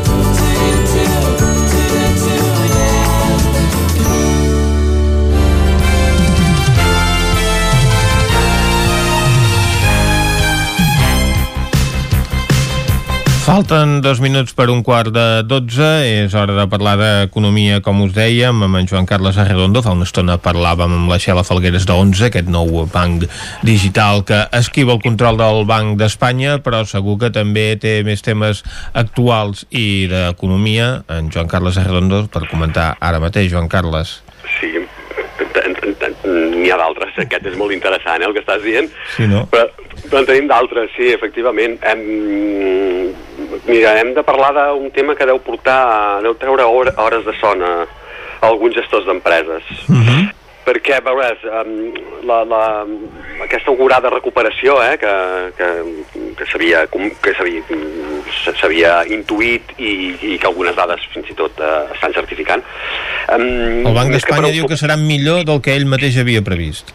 Sí, però um, ara mateix veuràs, eh? Ah, ah. Això, eh, el Banc d'Espanya pinta una autopista, eh? Uh -huh. però, però el camí de la recuperació és més aviat pedregós. Hi ha peatge en aquesta autopista. Sí, i, i, i, i, i diguem-ne i, i, i diguem molt, molt sotracs, no? Vaja. Ah, ja mm, els fets estan apuntant a un desmentiment de, del que podríem dir els profetes del creixement en V baixa, eh? aquella baixada sobtada i creixement a velocitat proporcional. Mm, Les pedres en el camí són, són diverses, els sotracs són diversos, eh, però sovint l'empenta de, de l'ambició dels especuladors de capçalera eh, doncs, eh, actua, no? I ara s'està fent perceptible amb aspectes com eh, l'encariment accelerat de les primeres matèries. Uh -huh. És cert que la vacunació està comportant motius d'optimisme justificat en alguns dels sectors, sobretot els que es basen més en la relació interpersonal, eh? en l'hostaleria, eh? El, els restaurants, etc. Però hi ha altres rams d'activitat que també veien a prop el punt de partida cap per una expansió de l'activitat um, un cop el consum es reactivés i s'han trobat, eh, eh, que hem topat amb, amb una crua realitat.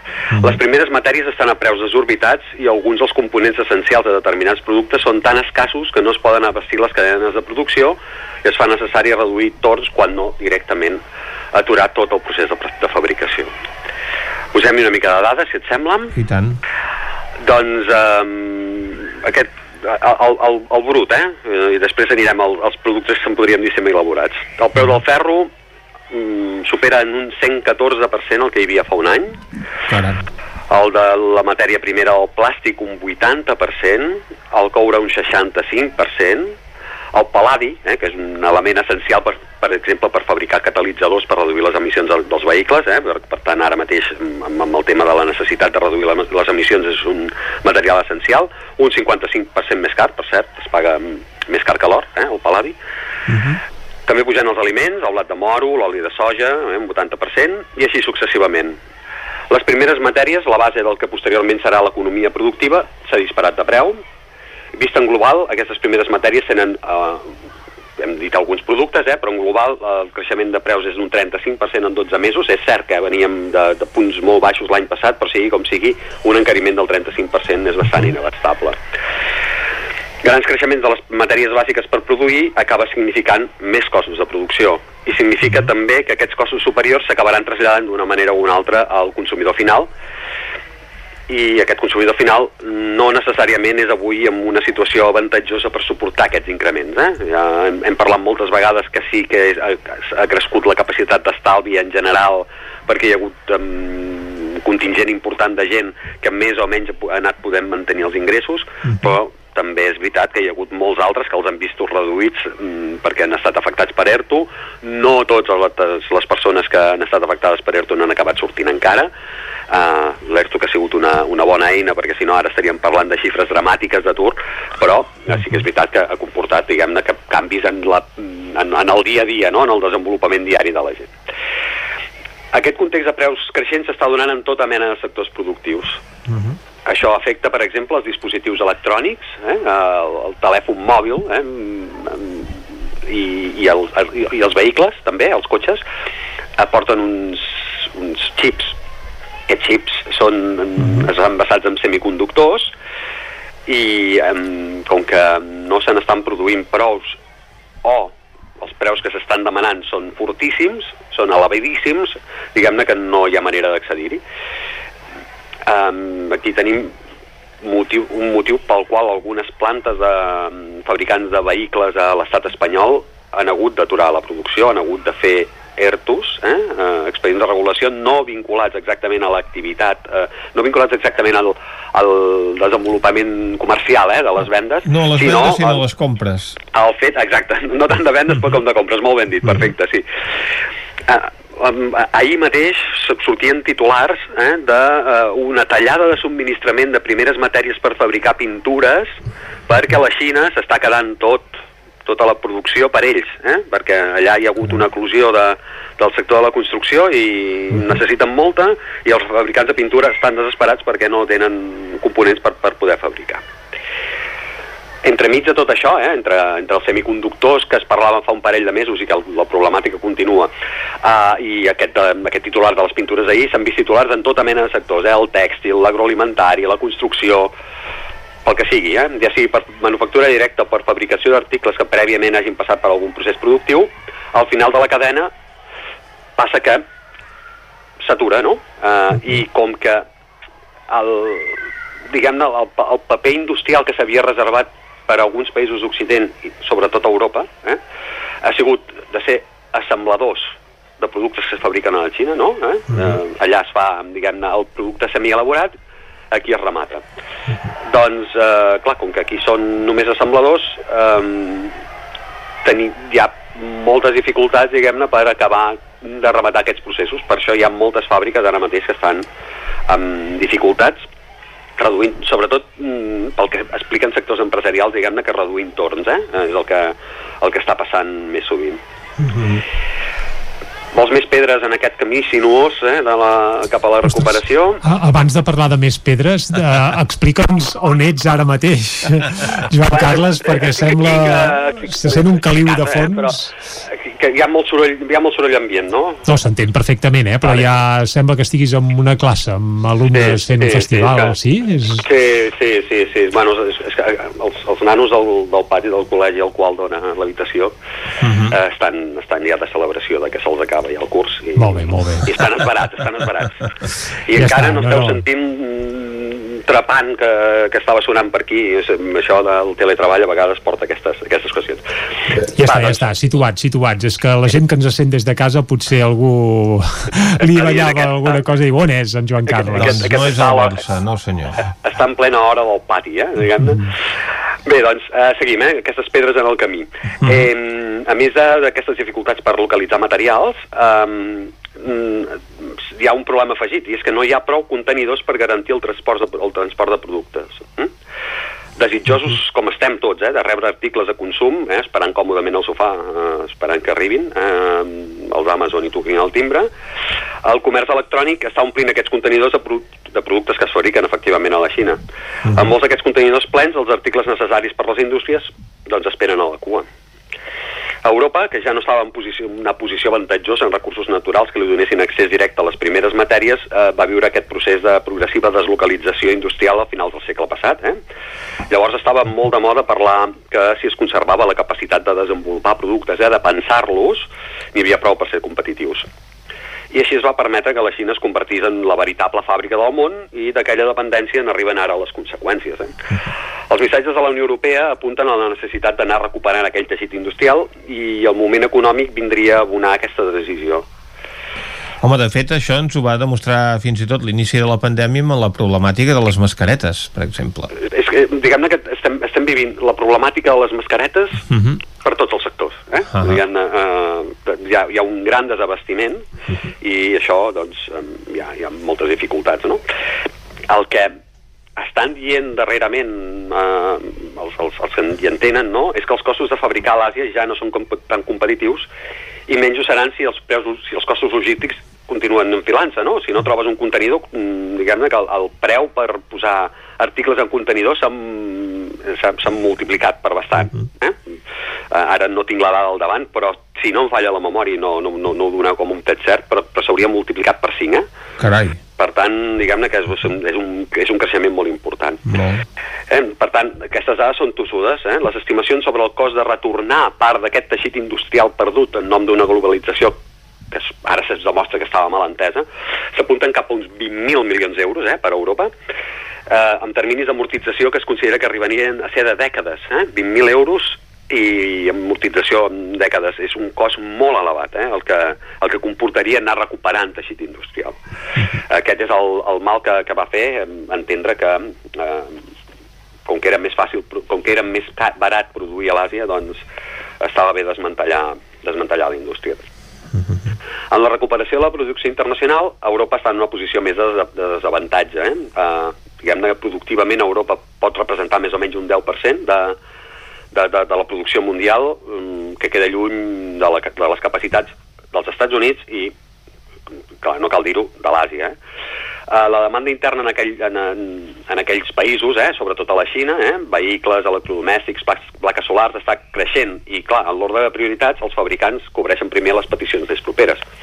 Um, diguem-ne, ja, si en tenen prou per, per abastir el, el seu mercat, doncs um, intentaran créixer, però però primer no, abastiran el seu mercat. Europa ha d'esperar el seu torn per assemblar productes semielaborats que venen de la Xina perquè així va triar fa dècades que seria el seu model industrial. Calen canvis en aquest model, tot i que les iniciatives cap a un tipus d'indústria més verda i digital també topen amb el problema. Eh? El problema és que aquest tipus d'indústria també demanda unes primeres matèries que no estan directament disponibles perquè sabem que Europa tampoc és un gran productor de, de primeres matèries. No?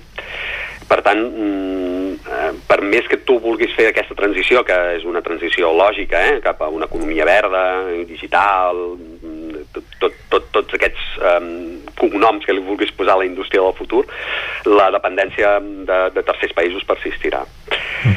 Hi ha encara una, una derivada més eh, d'aquest encariment de les primeres matèries, A veure. produir és més costós i per tant els preus finals dels productes tendiran a incrementar-se um, no és exactament el que, el que reflecteix encara el creixement de l'IPC tot i que déu nhi sabem que l'IPC també està molt influït pels preus de, de l'energia, ho havíem explicat algunes vegades, però estem veient que els creixements de l'IPC estan clarament per sobre del 2% que es considera òptim.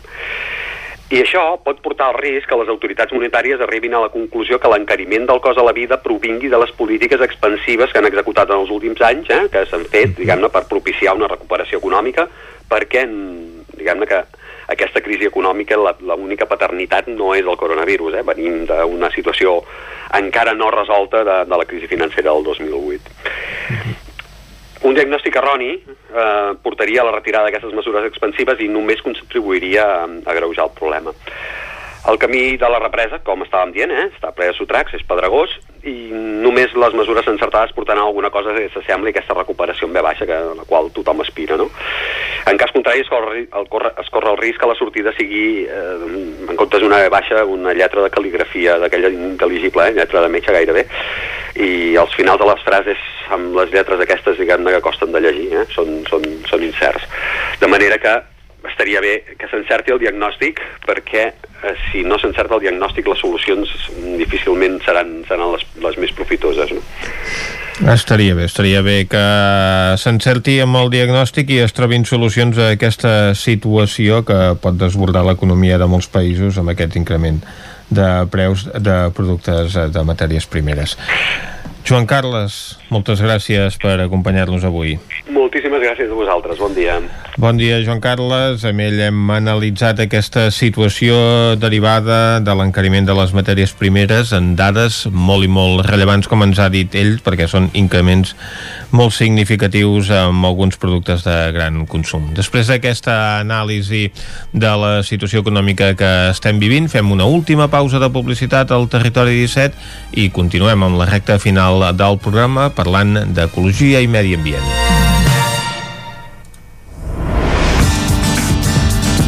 El nou FM. Nou Baviera. La nostra proposta és senzilla, plena de sabors i valors. El nostre èxit és la senzillesa de la nostra carta amb productes frescos, de primera qualitat i de quilòmetre zero. Som especialistes en frankfurts, hamburgueses 100% de carn de vedella, entrepans i una de les millors patates braves de tot Vic. Amanides, plats combinats, tot al teu gust. Nou Baviera. Ho fem per tu com si fos per nosaltres. Som al carrer Verdaguer número 36 de Vic. Vine al racó del León i celebra la Revilla de Sant Joan. Menú especial, coca de Sant Joan i llangonissa per tothom. Gaudeix de la Revella de Sant Joan al racó del León, carrer Torelló, número 35 de Vic. Fes la teva reserva al 93 889 19 50. Necessites cultura, espectacles i diversió? Neix el Clec Fest, el primer festival rural xic de la comarca. A Santa Eulàlia de Riu Primer els dissabtes 19 i 26 de juny i 10 i 17 de juliol. Circ, màgia, improvisació, música i molt bon rotllo. Fes cultura, fes estiu, fes Riu Primer, fes Clec. Tota la programació a l'Instagram arroba Clec Festival Riu Primer. Vine a Autoscola Montseny. Ara és el moment de fer els cursos de teòrica intensius, ràpid i eficaç. T'informarem dels PACs. Permís de moto de 16 i 18 anys i permís de cotxe. I si vens a veure'ns, tindràs un obsequi. Apunta't i no t'ho pensis més. Per més informació, Autoscola Montseny, Rambla de Vallades, número 13 de Vic. Busca'ns a Instagram i Facebook. Radella de Sant Joan, al restaurant Casa Vostra. Sopar, música en directe amb Joan Aromí, fi de festa amb coca, llangonissa i cava. Vine i disfruta de la Ravella de Sant Joan amb un bon sopar i la millor música. Restaurant Casa Vostra al carrer Pla de Balanyà, número 18 de Vic. Fes la teva reserva al 639 355 320. Impremta Mater, el servei de particulars i empreses. Fem catàlegs, llibres, papereria corporativa, targetes, fulletons i també venem material d'oficina i escriptori, bolígrafs, arxivadors, grapadores, llibretes i molt més. Mater Impressors des de 1957. Impremta Mater. Ens trobaràs a la carretera de Sant Hipòlit, número 23 de Vic i a la impremtamater.com. El nou FM. La ràdio de casa al 92.8.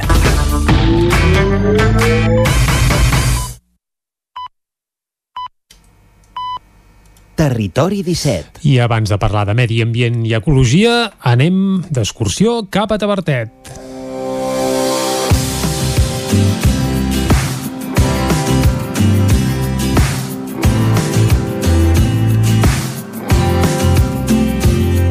Avui parlem de Tavertet, un poble encantador de la comarca d'Osona. Tavertet respira una sensació d'aïllament confortable que es deu a la seva impressionant situació damunt dels espadats que el precipiten de manera abrupta sobre el Ter i el fet de conservar moltes de les cases vestides als segles XVII i XVIII i la sòbria elegància funcional que caracteritza l'arquitectura del país. Això li ha valgut ser declarat bé d'interès cultural i, a més, acollir una associació dedicada a la interculturalitat i la lliure vivència espiritual. Al seu terme d'una singularitat colpidora hi ha importants vestigis d'art romànic, entre els quals ja és visita obligada a l'església de Sant Miquel de Serrarols, una de les mostres més exemplars d'aquest estil arquitectònic que es poden admirar a l'extensa comarca d'Osona. És una nau acabada amb absis, ornat de lesenes i arcuacions cegues, situada en un turó proper a les restes del castell. De fet, des del mirador del Pla del Castell podeu tenir una vista fantàstica del pantà de Sau, les Guilleries i el Montseny. Aquest mirador està situat a 30 minuts a peu de Tavertet. Una taula d'orientacions escriu el paisatge que es contempla. Per l'alçada de la població, Tavertet té diversos salts, com són el salt de l'Avenc, de 200 metres de caiguda sobre la vall de Sau, o el del Molí Bernat, que es troba a la part de darrere i forma un baixant espectacular en temps de pluges. Tothom ha sentit parlar, si neu a Tavertet, dels cingles de Tavertet, una formació rocosa coneguda arreu del món. Les parets s'enlairen 400 metres per sobre del pantà de Sau i tenen una verticalitat de 200 metres.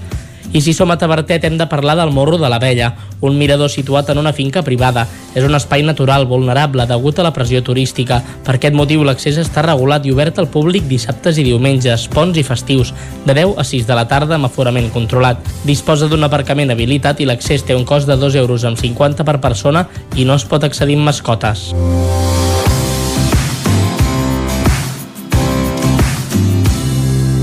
Territori 17 que bonic que és eh? I tant que sí. I que tranquil s'hi estava durant el confinament comarcal, que era un molt bon uh, moment per anar-hi a fer un tom. Ara, els caps de setmana, uh, és aconsellable anar-hi d'hora, perquè si no aquest aparcament del qual ens feia referència en David Auladell, doncs ja està saturat i de vegades costa fins i tot uh, fer-hi cap, eh? Però és un poble encantador i fantàstic. I més en aquesta època de l'any. Exacte. Això sí, no té tren, eh? No, perquè queda molt amunt i sí. molt allunyat de la civilització. Sí, sí, sí, correcte. Per arribar a Tabertet cal anar fins a l'Esquirol i de l'Esquirol enfilar una carretera força revirada, no gaire aconsellable per la gent que es mareja, uh, perquè la veritat és que de revolts n'hi ha uns quants, però també té unes vistes espectaculars i la veritat sí. és que el mateix trajecte ja és en si mateix una, una aventura i un atractiu, també. Per aventures, les de la R3. Va, doncs deixem Tabertet i anem cap a la R3, sí? Que ahir l'Isaac ens va deixar a mitges amb una història que ara en viurem el segon episodi. Doncs vinga, anem a la Trenc d'Alba, a la R3, ara mateix. Anem-hi. A Trenc d'Alba, edició pandèmia. Ara sense els usuaris que ens explicaven les seves desgràcies a la R3, però amb els mateixos retards i problemes de sempre. Benvinguts a Tren d'Alba. Doncs avui us porto, tal com us vaig prometre, la resposta del ministre de Transports, Mobilitat i Agenda Urbana, José Luis Ábalos, a la pregunta del senador d'Esquerra Republicana de Catalunya, Josep Maria Reniu, que li va demanar que concretés i que s'executessin d'una vegada les inversions que el govern espanyol té pendents a l'R3. Ja us podeu imaginar la resposta, no? Ábalos es va limitar a dir que els pressupostos generals de l'Estat preveuen més que doblar la inversió ferroviària respecte als anteriors i que l'11 de maig es va reunir per primera vegada la comissió de seguiment creada amb la Generalitat, Consells Comarcals i Ajuntaments per on passa l'R3. Com a actuacions concretes sí que va anunciar que els propers mesos es licitarà l'estudi informatiu per al desdoblament del tram entre Centelles i Vic i que està en fase de supervisió l'estudi per a la prolongació de la via 2 a l'estació de Vic per la capçalera sud. Les demandes de Josep Maria Reniu arriben després que en la darrera sessió de control i a preguntes al també senador d'Esquerra Jordi Martí de Blofeu, Avalos enumerés les inversions que el seu ministeri ha fet en el tram de la línia pel Ripollès. D'entre les que va destacar els 9 milions i mig per a la millora del túnel de Toses, la propera licitació del projecte per a la reparació i millora del pont sobre el riu Ter a Ripoll i l'estudi per a la supressió d'un pas a nivell a Ribes de Freser. Va, ens retrobem demà amb més històries del tren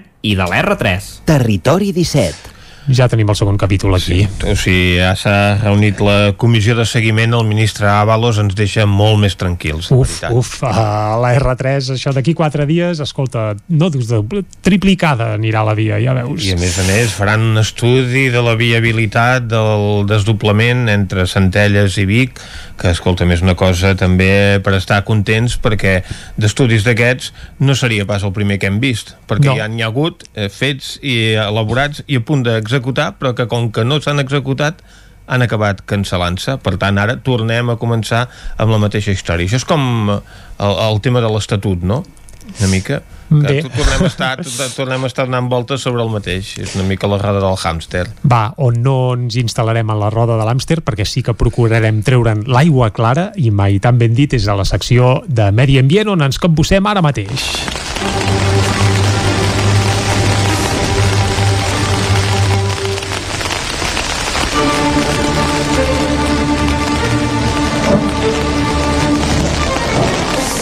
Doncs quan passen gairebé 6 minuts ja de dos quarts de 12 del matí, Vicenç, som dimarts, això vol dir que hem d'acabar parlant de meteorologia i medi ambient i un uh -huh. cop al mes saludem els nostres amics del Centre d'Estudis dels Rius Mediterranis i avui volem comentar, per començar, un estudi que es va donar a conèixer fa poc que bàsicament explicava que un 45% dels residus que es troben a les zones de ribera dels rius catalans, sobretot del Besòs, el Ter, la Tordera i el Fluvià, doncs són plàstics, és a dir, això que també sembla que passa als mars, doncs als rius hi hauria un paral·lelisme i resulta que això, un 45% dels residus que hi ha al voltant dels rius són plàstics, sobretot bosses de plàstic, embolcalls de menjar i tovalloletes higièniques. Eh, aquestes tovalloletes que són un veritable mal de cap a les ribes dels rius i també als nostres mars. Per parlar-ne... I mira que ara va cara el plàstic, ens ho acaba sí, de Carles. Però oi, la gent et llença igualment, així, així anem. Per comentar una mica aquest estudi i moltes altres coses, saludem ara mateix en Marc Ordeig del Centre d'Estudis dels Rius Mediterranis. Marc, molt bon dia. Hola, bon dia. Uh, el plàstic també envaeix, en el mal sentit del terme, els nostres rius, eh? És una veritable plaga, això, eh? És, és un drama, és un drama. Això que surt en l'estudi aquest, uh, ho veus quan tu vas per la vora del riu, que enmig de les fulles, les branques, et trobes uh, tot tipus de residus, eh? I com més, uh, més humanitzat, com més gent hi ha a la vora, més n'hi ha, eh? I, i moltes vegades no en som conscients perquè potser la gent ja s'ha acostumat a no llançar bosses i ampolles a terra, però sí que hi ha molta gent que fa servir eh, productes, com les tovalloletes humides que comentàveu, uh -huh. eh, que, el, que, que els sembla que allò és una cosa Super biodegradable i no és el cas, eh? I, i no és gens, uh -huh. no és gens, eh? Uh -huh. I és un, és un drama perquè hi ha molts sobrecidors la gent uh -huh. pensa això pensant que això anirà a una depuradora, es degradarà, i primer, quan arriben les depuradores és un gran problema, perquè les depuradores, quan es van inventar, aquestes fibres eh, no estaven... No, no, no existien, no? No, no existien, no? I per tant tenen molts problemes per separar això abans de fer el tractament biològic. I si van a parar els rius, que també hi van a parar una proporció important, perquè mm, quan plou, no tota l'aigua residual va a les depuradores, sinó que l'aigua de la pluja fa sobrecarregar els sistemes de clavegaram i una part d'aquesta aigua va parar als rius directament. I amb aquesta aigua hi ha tot tipus de plàstics que us podeu imaginar, com per exemple aquests i altres, que després es queden per allà a la vora del riu o van a parar al mar. Per tant, això és un... És, uh -huh. també va parar directament al medi natural i quan hi han revingudes, sobretot dels rius, és quan suposo que, que es, vaja, es complica el, el, el panorama, no? perquè el riu arrossega absolutament tot i, escolta, que la gent es pensa que, que clar, que hi ha un escombriaire a cada racó i no és el cas del, només faltaria dels nostres rius, això és evident. Exacte, és un desastre. I coses que no es veuen, perquè després venen els microplàstics una cosa són aquestes tovalloletes humides, que són un desastre, mm -hmm. a més es van trencant, però hi ha moltes fibres eh, de la nostra roba, per exemple. La nostra roba, en bona part, ja no és cotó o llana, mm -hmm. sinó que en bona part és plàstic. Eh? La roba porta un component, els acrílics són plàstics, molta proporció de la roba no és cotó, sinó que és cotó amb altres, poliacrilamida, etc etc. no? Eh, com més la rentem, i no vull dir que siguem que haguem de ser bruts o brutes, però com més la rentem, més es van trencant aquestes fibres i això va parar l'aigua i de l'aigua al medi. I el medi vol dir que se alimenten els invertebrats, els peixos i nosaltres mateixos que acabem ingerint aquests microplàstics. És a dir, que inconscientment ens els mengem nosaltres mateixos, aquests residus que generem, eh? Exacte, exacte. Eh? Uh -huh. I, I què hem de fer, doncs, amb la roba? Uh, Perquè avui en dia trobes uh, els teixits que trobes, no? Hem de fer tantes coses no sé si donarem a l'abast, n'hem de fer moltes, eh? Amb l'energia ara, amb les rectadores, amb el tal.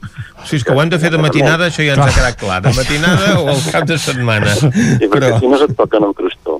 Però amb el tema de, de, de la roba i dels residus hem viscut alegrement el tema del plàstic, que ens ha ajudat molt a viure, és cert, eh? ens ha facilitat moltes coses, però mm, el, el, els problemes hi, hi són i hem d'anar trobant alternatives, eh, pensar en rentar la roba potser d'una manera diferent, amb temperatures més baixes, Uh, anava a dir menys sovint, potser no cal rentar una roba neta a vegades, eh?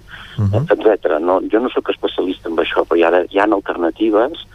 Uh, la primera és fer servir fibres més naturals uh -huh. i anar substituint el plàstic progressivament. Uh -huh. L'altra, doncs, No, anava a dir, tornant a, a l'estudi aquest dels residus, hem citat tovalloletes, hem citat plàstics, però hi ha un altre residu que és sorprenent. El 7% dels residus que es van trobar resulta que són borilles de cigars aquelles borilles que hem vist segurament a tot arreu, que la gent potser també es pensa que en quatre dies això amb l'aigua es desfà tot, i són molt i molt difícils de fer desaparèixer aquest tipus de borilles de cigars, i n'hi ha moltíssimes també, eh? Un drama la quantitat de, de puntes de cigarret que trobes la gent que va a la sorra, que va a la platja, eh? Uh -huh. et trobes per allà enmig de la sorra de la platja. Hi ha un ecologista mallorquí, que ara em sap molt greu perquè no recordo el nom, que s'ha dedicat a recollir ell i unes brigades a diferents platges de Mallorca uh -huh. eh, fa doncs, campanyes de, de recerca de puntes de cigarret, eh, no? I, uh -huh. i després es fotografia, ho penja a les xarxes socials, etc i quedes esparverat com en una platgeta de no res pot sortir milers, no, no sé si milions, però milers bosses enormes de puntes de cigarret que la gent fuma i l'amaga dins de la sorra, no? Uh -huh. Però clar, llavors va degradant, es va desfent, eh, i, i a més a més li costa molt de desfer-se, es desfà però acaba sent present allà i, i això que dèiem, acaba sent part de l'alimentació de, de, la, de la fauna marina o, o, o fluvial, és igual. Un altre dels, eh, bé, de les deixalles que s'han trobat en aquest estudi molt presents són metalls, principalment llaunes de begudes. Un 11% aproximadament dels residus trobats són llaunes de begudes. Clar, una llauna d'aquelles de tota la vida també costa molt de, de fer desaparèixer. Això no passen ni dos, ni tres, ni quatre anys que, que bé, ni s'arrovella ni desapareix, sinó que és un residu que el podem tenir per dècades i que és molt i molt complicat que desaparegui per si sol, eh? Sí, la, la, la, el problema de, de les llaunes ja és d'origen, eh? però uh Mhm. -huh. hem de tenir en compte que ja, jo em dedico a l'aigua i, i els temes més, més de, de rius, però, però el cert és que eh, he llegit alguna cosa sobre co, què val generar una llauna d'alumini i és esparverant la contaminació que comporta l'Amazones, per exemple, que és una de les parts del món on, on s'obté l'alumini. Eh? I aquest alumini al final és per fer un glob, uns quants globs d'una cerveseta que acabem llançant i que moltes vegades no es recicla. No? Uh, si a més a més es recicla, mira, encara, però pel mig hi ha tota una utilització d'energia de, que, que ha sigut pràcticament per no res. Quan si, fem, si comprem això doncs, a granel o, o simplement ens prenem una cervesa directament amb un got eh, aquests residus que ja no ni es genera, ni contamina, ni crea res, no? Uh -huh. bueno, això també diu molt poc de la consciència de la gent, eh? Vull dir, sí que en general ha anat canviant, però encara, doncs, eh, ja n'hi ha molts que sí que trobes llaunes que cauen, eh? Uh -huh. aquestes no van a parar al lavabo, aquestes cauen de la bossa de la gent, eh, allà on sí, no? D'això, precisament, doncs, eh, ens n'hem fet ressò que darrerament i a conseqüència del confinament el que han aparegut doncs, en molts entorns naturals és precisament restes de botellades que, que feia la gent i que deixava allà doncs, els residus d'aquestes festes que es muntaven fora dels àmbits urbans eh, degut a que no, no hi havia doncs, espais d'oci nocturn ni altres activitats que poguessin dur a terme els joves no? aquests, últim, aquests últims mesos en definitiva Sí, sí, sí. De totes maneres, però d'això, eh, mira, per exemple, s'ha fet un estudi, un, uns companys de, de la Universitat de, de, de, de, de, del CSIC de Blanes, concretament, van estar fent un estudi a l'Alter, eh, uh -huh. eh, diguem, el naixement del Ter eh, per damunt de set cases. Uh -huh. Dius, home, aquí, això, el riu aquí estarà de pebrots, parlant científicament, eh? Un riu de pebrots, de molt bona qualitat, eh? Uh, van dir, bueno, compararem aquest tram de riu amb altres, perquè, clar, aquí i van quedar esparverades aquestes noies de, de la quantitat de microplàstics que hi havia allà. Eh? I en bona part, elles van anar prenent mostres al llarg, al llarg d'un any i van arribar a la conclusió que era degut a les fibres de la roba dels esquiadors i dels caminants i de les ampolles que queien i de de coses eh, que fins i tot eh, gent més o menys conscienciada, no? La gent que va a la muntanya, que t'imagines que més o menys, no? Amb qui hi ha en Jornet, eh? Uh -huh. Aquest tipus de personal, eh? Jo m'hi puc incloure, eh? De, que tens una certa consciència ambiental, doncs també quan vas a la muntanya amb aquells pantalons del Decathlon de fibra eh, i et cau una ampolla i no sé què, doncs també estem fent un impacte que era bastant important, eh, no era no era poca cosa. Eh? Ara no us la xifra exactament, però sortint a quantitat de microplàstics el naixement del Ter, que era, una, era un lloc que teòricament havia, havia d'estar molt bé, no?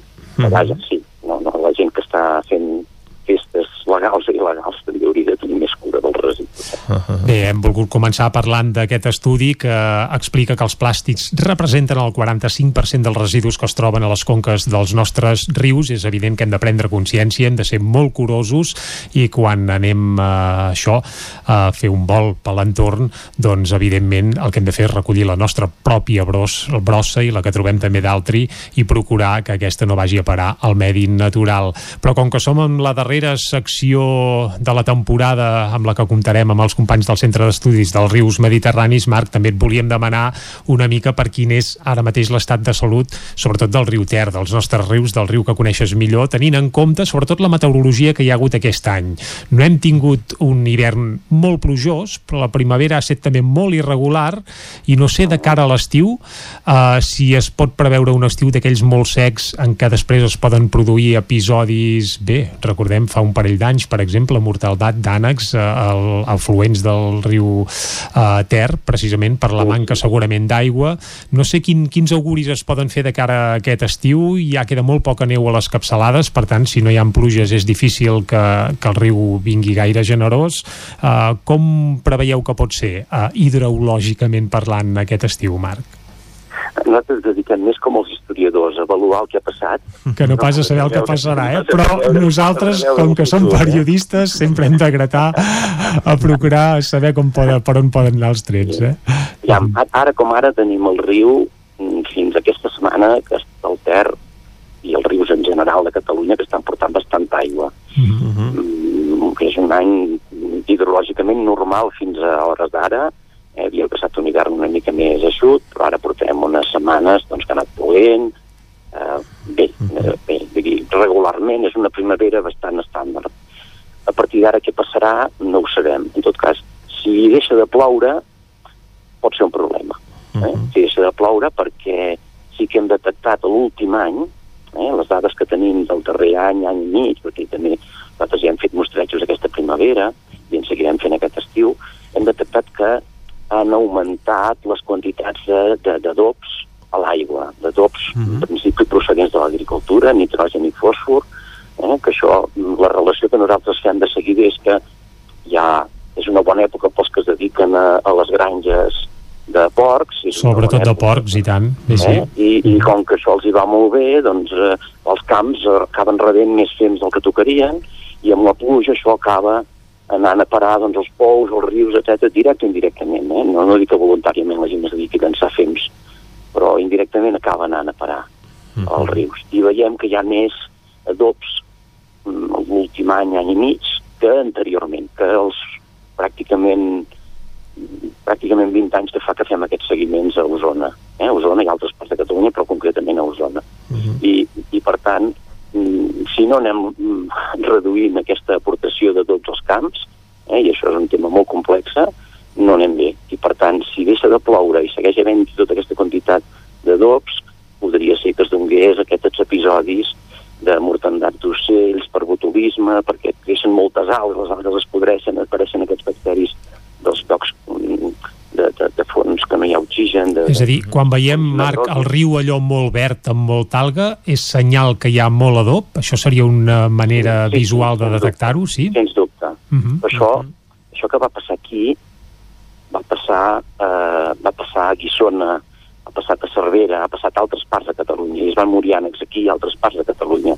I la causa ve a ser més o menys la mateixa. Eh? Aquest excés d'adobs que fa que creixin les algues, és com si posessin més adobs en un, en un prat o en un, eh, si, si els, un camp d'herba o un camp de, de blat molt ben adobat, té un, el verd té un to diferent, no? Doncs a les algues passa el mateix. Si en creixen moltes i estan allò molt llampants, un dia o altre es moriran i es podriran, eh, i això no van molt més ràpid que les plantes, i després es produeixen fenòmens això de, de de falta d'oxigen, de putrefacció, que és el que pot comportar la mortandat dels animals que després s'alimenten d'aquestes alguetes o dels invertebrats que hi hagin per allà. I suposem que això es complica amb com més calenta és l'aigua, no? Com més calor, pitjor també. Com més calor, pitjor, perquè com més calor, l'oxigen de l'aigua, l'aigua pot contenir menys oxigen, és un tema de física. Uh -huh. eh? És com quan tirem, no sé si us agrada el colacao o la llet. Eh? Vicent, si segur que freda, sí. El colacao no es barreja. Així la, la llet està calenta, el colacao es dissol molt millor. Eh? Uh -huh. Doncs amb el, o el sucre també es dissol molt millor. Eh? Això, el colacao uh, és sucre, i... bàsicament. Sí, exacte. Eh?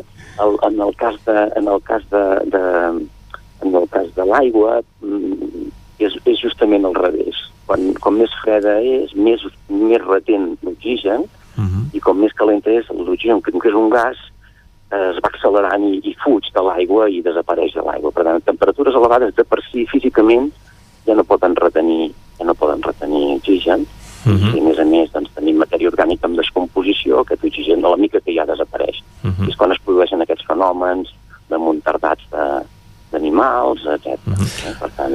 I, I aquesta població d'ànecs es va recuperar després d'aquest últim brot de botulisme? És a dir, si ara, a conseqüència d'aquestes doncs, condicions, es tornés a reproduir aquest estiu, com podria quedar la població d'ànecs? Ja, la mortalitat d'ànecs va ser fa dos anys, eh? Uh -huh. l'estiu passat, eh, l'estiu passat, nosaltres el que fem és un recompte d'ànecs a l'hivern. Uh -huh. vale? Llavors, el que vam veure és que al cap de mig any de, de, de, de la mortalitat d'ànecs en faltaven molts, en faltaven uh -huh. en general, eh? Tant el Burri com el Ter, el Ter a l'entorn de Manlleu i el Burri per sota de Vic, que és on va haver més mortandat, allà faltava més de la meitat dels ànecs que hi havia habitualment. Uh -huh. Aquest hivern passat ja s'havien recuperat una mica, però tot i així n'hi havia menys, o sigui que gairebé dos anys després uh -huh. eh, encara no es havien recuperat del tot. Uh -huh. Eh? Per tant, sí, els ànecs es reprodueixen. Una ànega pot tenir una dotzena de neguets. Eh? També és veritat que pel camí se'n moren perquè se'n menja alguna guilla, un gorja blanc, un gat, uh -huh. fins i tot algun peix pot menjar-se un aneguet, no? Però vaja, eh, no, d'un any a l'altre no es dupliquen fàcilment. Eh? O sigui, al cap de dos anys encara no tenim la població que teníem uh -huh. fa dos anys i ja veurem aquest any que passarà. Esperem que, que no arribin tants adobs. Es, esperem-ho, esperem-ho, tot i que ja ens ha quedat clar que aquest és un dels principals problemes que tenen ara mateix els nostres rius, eh? l'accés d'adobs. Mm -hmm. Sí, sí. I, per cert, Marc, volíem comentar un altre tema, i és el de la temperatura. Hi ha estudis que diuen que la temperatura de l'aigua del mar ha pujat força aquests darrers anys. Això està avalat sobretot per un estudi que du a terme un meteoròleg de l'Estartit. I en el cas dels rius, no sé si això vosaltres també ho heu notat o no, i és que cada vegada l'aigua dels rius baixa més calenta, i sobretot de cara a l'estiu. Sí, nosaltres, jo, jo, el temps que portem fent això que us dic fa una vintena d'anys, eh, no, no tenim una sèrie prou llarga com perquè puguem dir això, no? Però, per exemple, aquest mateix senyor que mira això a l'Estartit, que va amb una barca, Correcte. un dia a la setmana també ho mira a la desembocadura del Ter. Uh -huh. I com que una temporada hem estat treballant a Torroella durant uns quants anys, algun cop ens l'hem trobat eh? i l'hem anat seguint. I també ha notat que la temperatura de l'aigua del tram final del Ter va en augment. Eh? Uh -huh. eh, a les parts més altes del Ter o d'altres rius, eh, en principi, tot fa pensar que van en augment, perquè nosaltres ho, ho observem a través de, dels animals que viuen al riu, per exemple. Eh, fins al, a la Guerra Civil, la gent agafava, pescava truites habitualment a Manlleu i a Roda de Ter, no? Uh -huh. I tenim fotografies, i de fet alguna n'hem agafat alguna vegada, eh, encara, però era relativament habitual. Ara és pràcticament impossible. I la truita necessita viure amb aigües oxigenades i fredes. Uh -huh. I és a dir, no és culpa de la contaminació, sinó que és culpa de la temperatura que no hi hagi truites, per exemple, al tram usonenc del, del Ter. Sí, bueno, a partir de Sant Quirze de Besora ja n'hi comences a trobar, eh? Uh -huh. N'hi comences a trobar, és un tram que està més engorjat, la llum no hi incedeix tan directament, l'aigua no s'escalfa tant, eh? I el Ter, el Ter, el que és el riu, per si mateix, té, té problemes, però no es pot considerar que sigui un riu contaminat, eh? El Ter, el, el Burri, els afluents tenen les seves coses, però el Ter té una qualitat bona o molt bona, i va oscil·lant, eh? però això no hauria de fer que desaparegués. Potser al tram final, cap a Roda, un cop ha rebut el burri, la qualitat sí que ha anat empitjorant amb els anys, però també ha disminuït el cabal, i aquest és el punt més important. Uh -huh. Al disminuir el cabal, l'aigua també, clar, amb menys quantitat d'aigua s'escalfa més. Clar. Eh? I a vegades no és tant que també la temperatura va pujant, sinó que com que la, cada vegada fem servir més aigua per moltes coses, la mica d'aigua que queda s'escalfa més de la, que la molta més aigua que hi havia abans. Li costava molt més d'escalfar-se, no? I si no hi ha bosc... Nosaltres considerem que sí que ha anat amb augment la temperatura, Uh -huh. però no en tenim unes dades fidedignes pel que fa a Osona i el Ripollès. Però indirectament hem deduït que sí. Un altre aspecte és el bosc de Ribera. Si desapareix al riu no hi ha ombres i és evidentment molt més fàcil que s'escalfi l'aigua perquè el sol hi es patega durant tot el dia. Ah, exacte. Ah, És un dels motius pels quals hem de empènyer i ajudar que hi hagi més bosc de ribera a tots els rius i afluents, eh? perquè l'aigua no s'escalfi tant i en lloc de que creixin aquestes algues, doncs que creixin els arbres i, i cobreixin el riu. Eh? I, i, i, tant, i tot l'ecosistema estaria molt millor si fos una mica, estigués una mica més cobert per als arbres de ribera, verns, saules, freixes, etc. I l'excursió a vora riu seria molt més agradable ara que venen les vacances i podem gaudir una mica més de la natura. Ara, ara és una època espectacular per anar a passejar a la vora del riu. Eh? Uh -huh. Jo comentava amb els meus companys aquests dies que estem anant molt al camp uh -huh. i, i, i l'altre dia dèiem, quasi hauríem de cobrar, ai, hauríem de cobrar, perquè llavors quines, quins mostrejos, perquè ara justament és una època que encara no fa molta calor i, i tant la flora com la fauna està tot florit, els arbres estan espectaculars, hi ha molta activitat, ocells, etc i, i val molt la pena.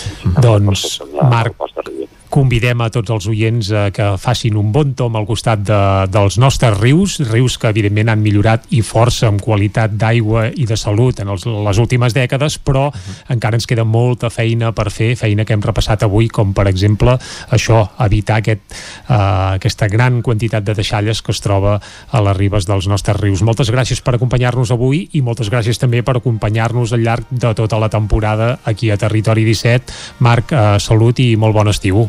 Moltes gràcies a vosaltres. Vagi molt bé. Igualment, bon estiu. Moltes Salut. gràcies. I Vicenç, el que ens toca ara ja és tancar el programa d'avui. Doncs sí, tanquem el Territori 17 d'aquest dimarts, que hem fet Clàudia Dinarès, David Auladell, Isaac Muntades, Jordi Givert, Pepa Costa, Gemma Permanyer, Òscar Muñoz, Dolors Altarriba, Guillem Rico, Xela Falgueres, Joan Carles Arredondo, Jordi Sunyer i Vicenç Vigues. Nosaltres tornarem demà i serem, com sempre, des de les 9 del matí i fins a les 12 del migdia. Adeu. Que vagi bé.